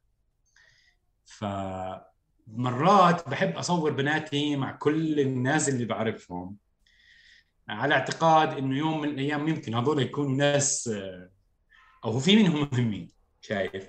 هاي هاي بحب إني اخلي لهم إياها لمستقبلهم. النقطة الثانية إنه أنا بناتي مزاجيات على فكرة. يعني لين آه، أنا وياها في نفس تاريخ اليوم في نفس التاريخ وفي نفس اليوم وجوزاء. زين بتحبش تطلع كثير. مزاج. لين بتحب تطلع حسب فبناتي كمان اللي هن القرار يعني لما بدهن يتصورن وهذا أول مرة بقوله أنا بطلب منهن الإذن. وفي مرات ما بيطلعن بيقول لي انت ما تصورناش. هاي الصورة احذفها وبجين على ال story وبتأكد انه بقول لي افتح ال story صورت ولا ما صورتش؟ فقرار التصوير حتى لو بنات صغار في إيد بناتي. النقطة الثانية فيش كم كبير من التصوير. وعلى فكرة الانستغرام بالتحديد الناس بتتابعني عشان زين وعلين أنا عشان هيك قاعد بسأل. اسمع قدام عيني والله أصحابه وأصدقاء وصديقات. إنه الشيء اللي أنا بحكيه بيبقى مهم. بسووا له skip هيك بدوروا على زين وعلين وبستنوا بعيدوا ال story أكثر من مرة. بس أنا يعني أنا بقول في ناس أشتغل قال اسمع بلاش تطلع ال story مش كثير شايفين يعني مش كثير حابين شكلك. لو سمحت خلاص روح يعني روح انصرف بدناش نشوفك. فانا أنا بحاول قدر المستطاع إني أحافظ على خصوصيتهن. بطلب منهن الإذن. إيه، بطلب بقول لهن إني بدي أصور. وما بكثف في النشر. وتتخيل شو بيجيني في المسجات؟ إنه مرات مثلا تجيني إيه، تسويش تعملش قبل كم يوم آه، لين صورتها كانت كنت أقولها جيبي لي مي. فردت إنه انت ابصر إيش وهيك. فدخلت علي اخصائيه إيه، لتربية الأطفال وقالت لي اللي سوته لين صح. فأنت لازم تروحي تسوي وتعمل معاها وتقول لها هيك. وتطلب يعني سوت لي محضر. ف... فهاي الفكرة أنا لسه محايد. الناس بتحبهم بتحبهم أكثر مني. الناس آه، بحاول قدر المستطاع أحافظ على شخصياتهم. آه، بسمحش لنفسي أتمادى في محتوى أفرضه عليهم. وهني في بعض الأحيان بيقولوا لي وللآن آه، فيش حسابات لهم شخصية ورافض تكون لهم قناة. سواء على اليوتيوب قديش أعمارهم؟ قديش أعمارهم اليوم محمود؟ زين سبعة ولين خمسة. أنت بتحكي قاعد آه، عنهم زي كأنه هم واعيين لشو قاعد بصير بس أنا بفكر مش هيك. آه، هم مش واعيين نهائيا هم أصغر بس يعني أنا يعني لك... أنت النقاش تبع نقاش الخصوصية بنخاض مع ناس كبيرة. آه، نقاش آه، نقاش قضية إنه مستوى مثلا إنه آه، انشر لي هذه الصورة أو مش هذه الصورة هل تعمله معي؟ أو تعمله مع سلفتك أو مع كنتك. مش عارف إذا صح يعني. آه مع كناينك سلفاتك هيك. بس إنه أنت عم إحنا عم نحكي قاعدين على أطفال اللي أنا آه، آه، الإجابات اللي أنت بتحكيها ما جاوبت بالنسبة لي على على يعني تحديدا على قضية الأطفال. واضح لي إنه أنت ما حولتهم لقناة يوتيوب ولا صرت شغال على فكرة إنه تحولهم لمنتج يدخل لك مصاري. ماشي. نهائيا. بس أنا عندي نقاش إنه طبيعي أنا بحب الناس اللي بتشارك صور أبنائها آه، وأطفالها. وأنا بحس أنا أنا بتواصل معهم يعني. من أجمل الأيام هو الأيام تبع عيد الأم اللي الناس بتنشر في صورهم مع أمهاتها يعني. بس أنا بالنسبة لي لما بتحول إنه فكرة إنه أنا بتعاطى مع محمود إنه هو في شخصية رئيسية هو صحفي إعلامي كذا بقدم كذا وبقوم بكذا وفي بتعرف بناء المؤثر أو صناعته وفي جنبه أكثر من عامل منها بناتك اللي هو هدول الناس بتحبهم بيظهروا الجانب الإنساني منك فلازم تزيد المحتوى. هلأ بال story مش بال story في حضور كتير مكثف موجود كتير مش شوي. يعني أنت بتفكر بتقول قليل وهو قليل مقارنة بإنه إذا أنت رايح بابروتش إنه بدك إياهم يدخلوا لك مصاري بس هم مش رايحين لهناك. أنا بس يعني صراحة ما عندي موقف ابدا كيف قلت لك بس بجرب بدي أسمع عندي فضول أعرف حدا شغال بالحقل. كيف بتعاطى مع فكرة الطفولة والطفل بهذه المساحة تحديدا ضمن النقاش تبع إنه أنا ما بدي أقرر له إنه يكون موجود أو لا. شوف. ونقطة تانية قديش فكرة إنه أنت عم بتعودهم مبكرا على الوجود آه، وجود على الشاشات يعني على آيباد على تلفون أو على هذا. هلأ النقاش في هذا الموضوع نقاش وعماله في ناس بتحكي وفي حتى معنا طلاب وزملاء وزميلات كتبوا عن مخاطر الأطفال. على الإنترنت وانفتاحاتهم وغيرها. بالتالي أنا بكون للآن ما فيش عندي الوجهة النظر الواضحة إني أخليهم ولا ما أخليهمش. أحطهم ولا ما أحطهمش. آه، في أفكار ثابتة إنه قنوات إني أحاول إني أسوي شيء تجاري إني أروح أجيب بناتي. مع ان أنا بقول لك أنا ما فيش عندي أرقام وما فيش عندي متابعات. أكثر الناس اللي بتفاعل معاهم هم صاروا أصدقائي والناس اللي بيعرفهم بس أنا إني أروح أستثمر في هذا الجانب أنا رافضه. أستغل هذا الجانب أنا رافضه في بعض القفشات إني أنا بستخدمهن في علاقتي مع بناتي بطلعهن وعلى فكرة الناس بتحبها والناس بتتفاعل معها أكثر من أي قضية ثانية. أه بحسها بعد مرات إني ما بتعدى على حقوقهن ما بنتهك خصوصيتهن. فأنا يعني من من التيار المعتدل نوعا ما واللي مع إنه يتم نشره. أنا مش مع مرات أنا على فكرة أمي بتقول لي تظلش تنزل صور بناتك. يعني مثلا هذا في مبدأ الحج تنزلش في صور بناتك أو هيك. إحنا في عندنا موضوع الحسد ومش الحسد وهذا وهيك وأشياء وال... وأنا بديش أنزل صور أولادي عشان الحسد. وبنحسد وأنت نزلت لها فيديو ومرض الثاني يوم. وهيك القصة. فأنا مش مقتنع بهذه الأمور. بطلع شوية آه، أشياء أشياء مش مصطنعة نهائيا أشياء لحظية. لا لا هي هي أشياء كثير طبيعية أشياء كثير جميلة. النقاش مش جمالها. ولا التفاعل هي النقاش كله يعني أنا أنا أنا حبيت كمان صراحة إنه أنت آه، الان معي من فترة بقول لك في المستقبل بحكي لك عنه. آه، زين بتحبش بتحبش الظهور وفي ناس بيسألوني ليش زين بتطلعش؟ آه، زين دائما متششره وبدها تتششر وبدها لا في لها نظامها؟ اللي بده يظهر واللي بده يتصور كل يوم واللي بده ينزل له كل يوم ستوري لين. فأنا حاط لها كمان برنامج يعني في فيديوهات اثنين صورتهن فمسوي لهم مونتاج ومفرجي لهم إياهن يعني بنزل لهم اياها كل فترة وفترة وخصوصا تبعت الترندات هذول اللي بصيرين والحين بدها أسوي له واحدة تبعت بسبوس عاشق بسه هذا بده يلف في ال ف أنا مع إنه ينزل أشياء أنا مع إنه بعض المشاركات إنك أنت تشاركها مع الناس بشوف الناس بتتفاعل الناس بتسأل والناس بتحب الأشياء الشخصية أكثر من الأشياء آه، فهم بيعكسوا شوية جانب الشخصي ما بيني وما بين بناتي.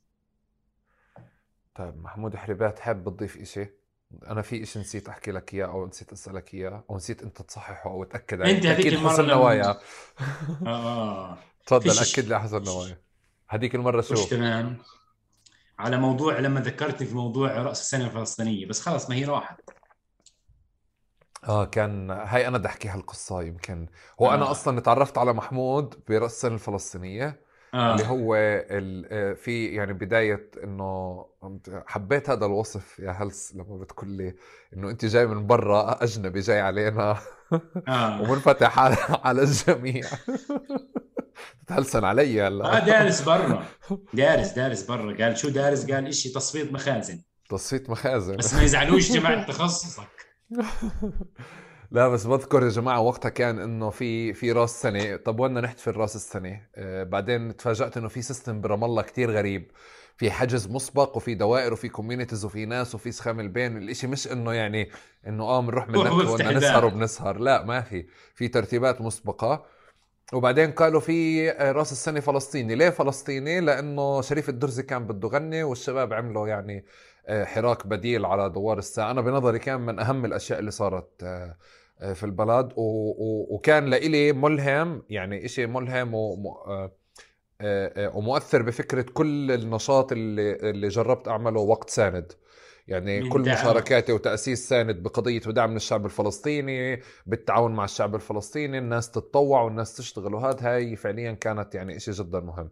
آه، أنا ما رضيتش أسألك عنه لأنه يعني آه، كنت شفتك إنه أنت بتجهز حالك للمقابلات يعني. ف... فهيك. هسه بنفع أسألك السؤال عرفتك قبل راس السنة إحنا تلاقينا في عيد ميلاد شهد. صح صح صح. صح. بس أنا الجانب الثاني اللي عرفته اللي هو وقت الشارع يعني. يعني هيك. آه أوكي. أنا لإلي محمود وقت قبلها الشارع. قبلها. قبلها كنت كانت معك سيارة كمان. طيب محمود حربات. واحد. يحمل سيارة. ما صار معي فاحكي آه شو مع المقلوبة يا أخي بدنا نخلص المقابلة؟ شو مع المقلوبة؟ المقلوبة اسمع تعال نتفق على شغلة كمان شوي لما تبلش تمطر نعاود نعيد إحياء آه قلبة المقلوبة لأن أنا بصراحة في كم فيديو منتشر على على البلا في على الإنترنت ماغص معدتي. قال يحمل هيك ويقلبها قسما بالله العظيم هذيك المرة آه، رحت على خالي إلي في قرية اسمها ربود. آه، هاي بتيجي قريبة ربود بتيجي قريبة على الظهرية والسموع. ويطا يعني هيك بتبقى هذه المنطقة وهم مشارفين لمستعمرة عتنائيل يعني معروفة هاي المستعمرة. المهم فخالتي سوت طنجرة مقلوبة والله إني قل قوتي.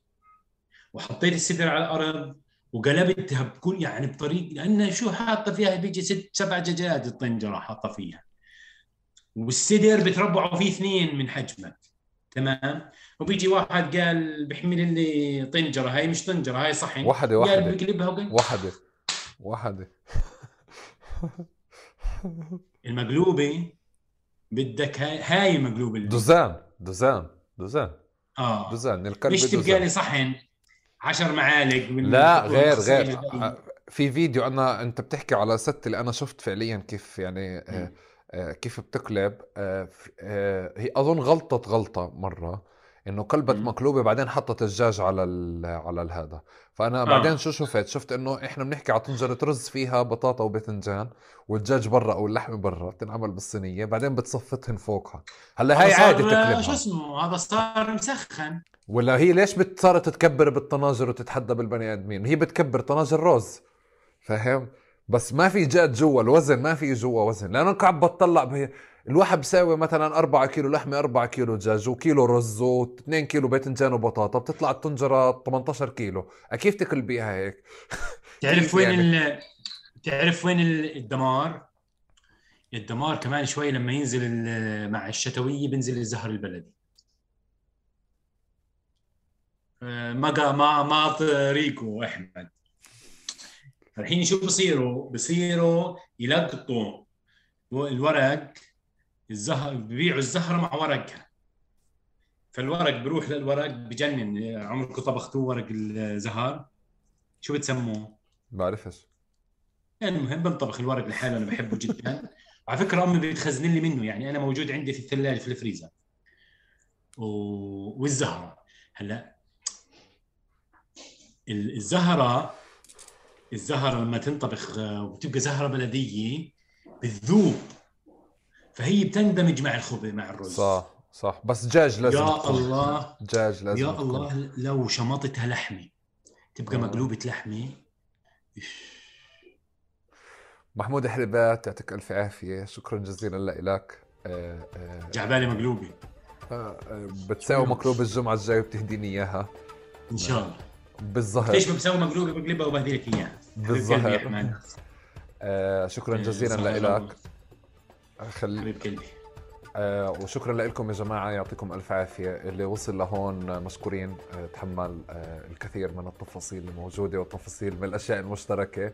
آه بنتمنى يعني تنشروا وتحكوا وتمنشنوا وتبعتوا مسجات من غير ما بالعلن. منعا لفضائح ونكفات. أنه محمود نكف على كثير ناس. وأنا ساعدته ينكف على كثير ناس وعملنا بينج بونج أنا شلت عنه أشياء وهو شال عني أشياء. شكرا جزيلا لكم يعطيكم العافية. شكرا محمود.